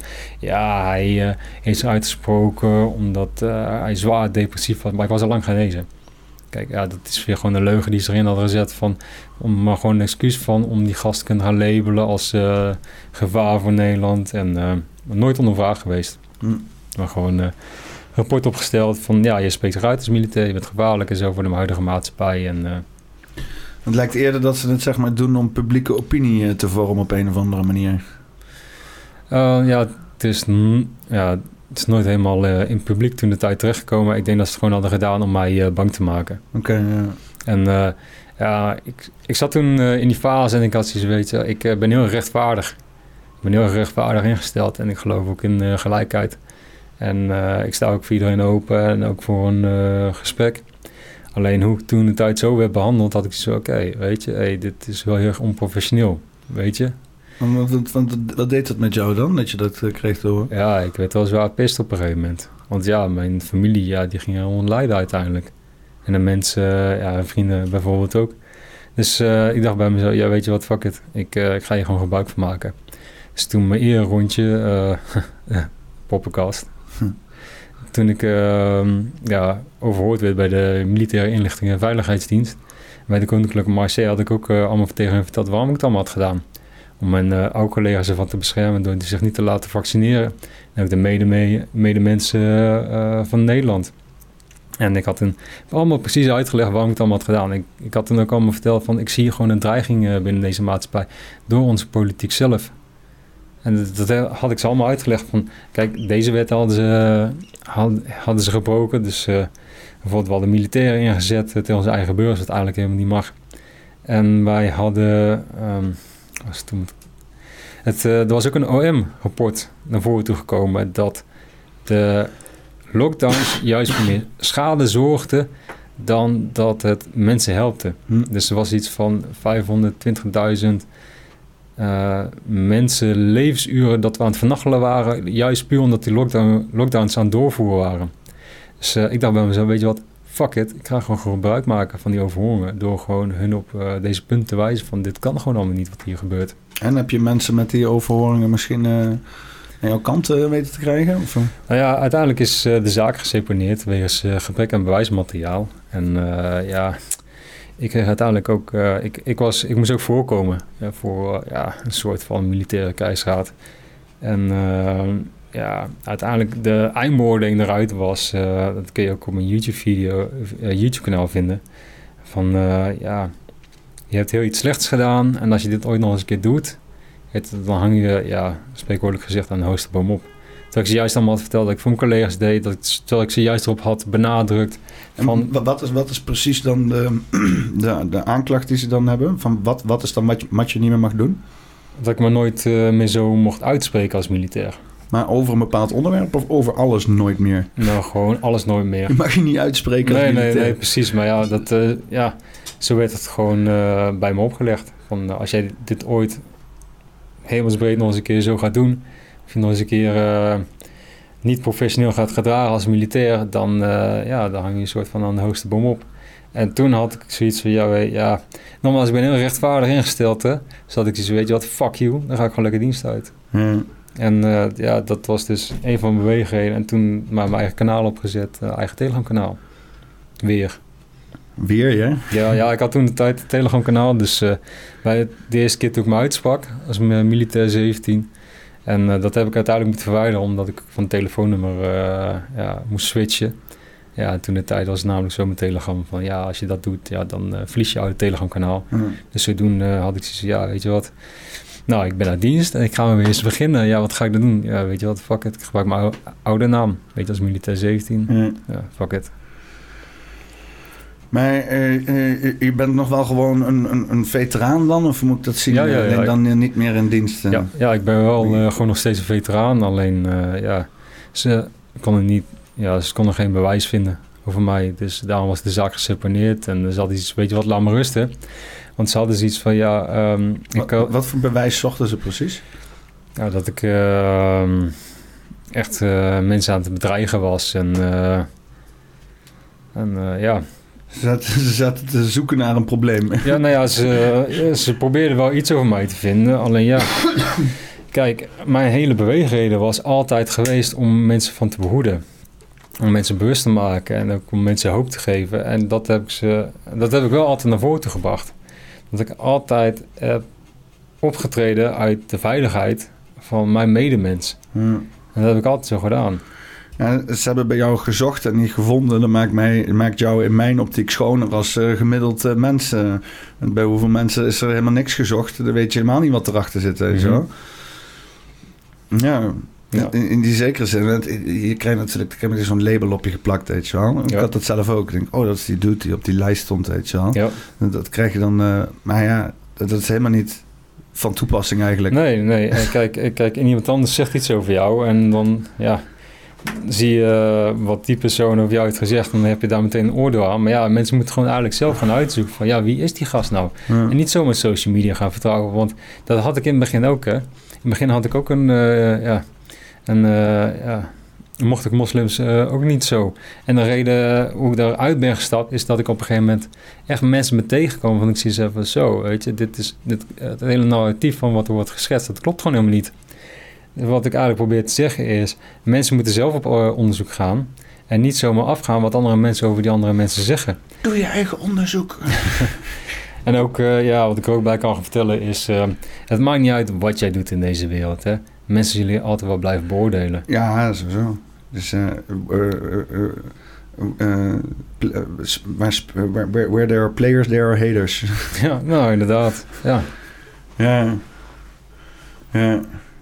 Ja, dat maakt je ook wel sterk, een beetje weerstand en zo. Weet je. Ja, dat hoort er ook gewoon bij. Eh, als je zeg maar gewoon iemand bent die niet uit het veld geslagen wordt, dan eh, elke vorm van weerstand word je alleen maar sterker van. Ja, het is ook zo. Ja. En stel je voor je leven die gaat eh, ontzettend vlekkeloos en uh, helemaal geen weerstand.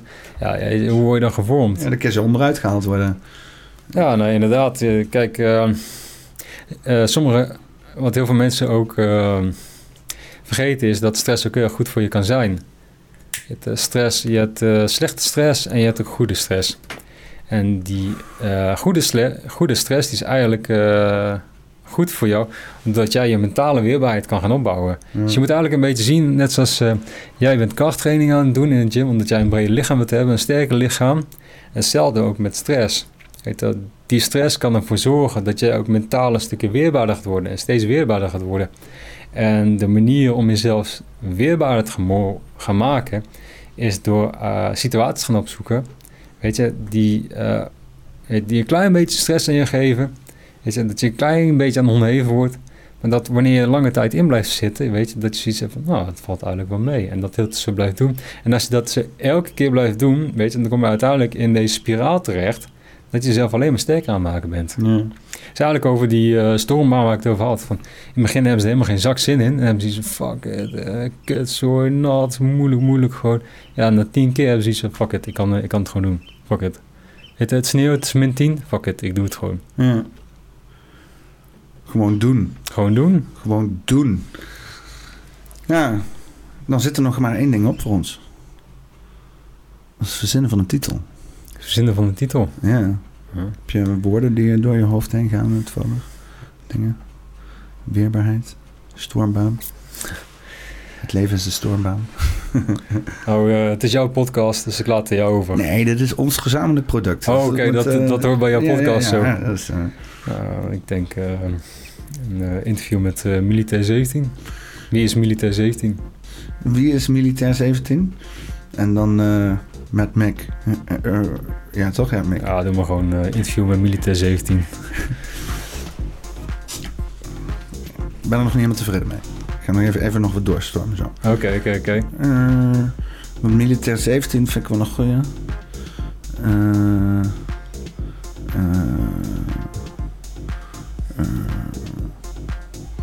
Ja, wie is Militair 17? Ja, waarom niet? Want het was wel het was een goed kennismakingsgesprek, toch? Of niet? Ja, toch? Denk ik. Ja. ja. Het is toch ook wel een beetje waarom ik het doe, om uit te zoeken van wie zijn al deze mensen. Ja, ja, precies. Ja. Nou, was in ieder geval eh, goed je te ontmoeten, man. Ja, bedankt eh, voor de uitnodiging, man. Ja, graag gedaan.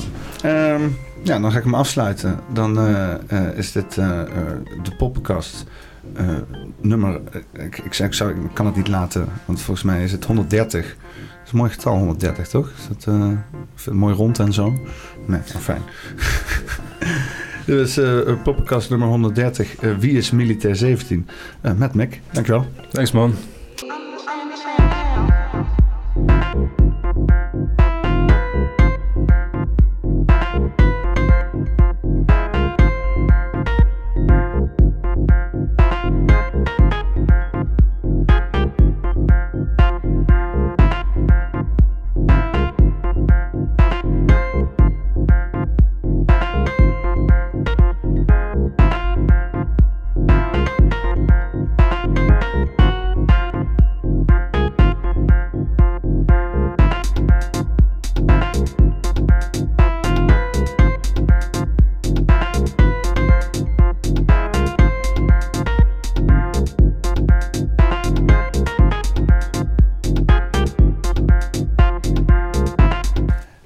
Deze podcast wordt gesponsord door Doc Collins. Breng ambacht weer terug in de schappen.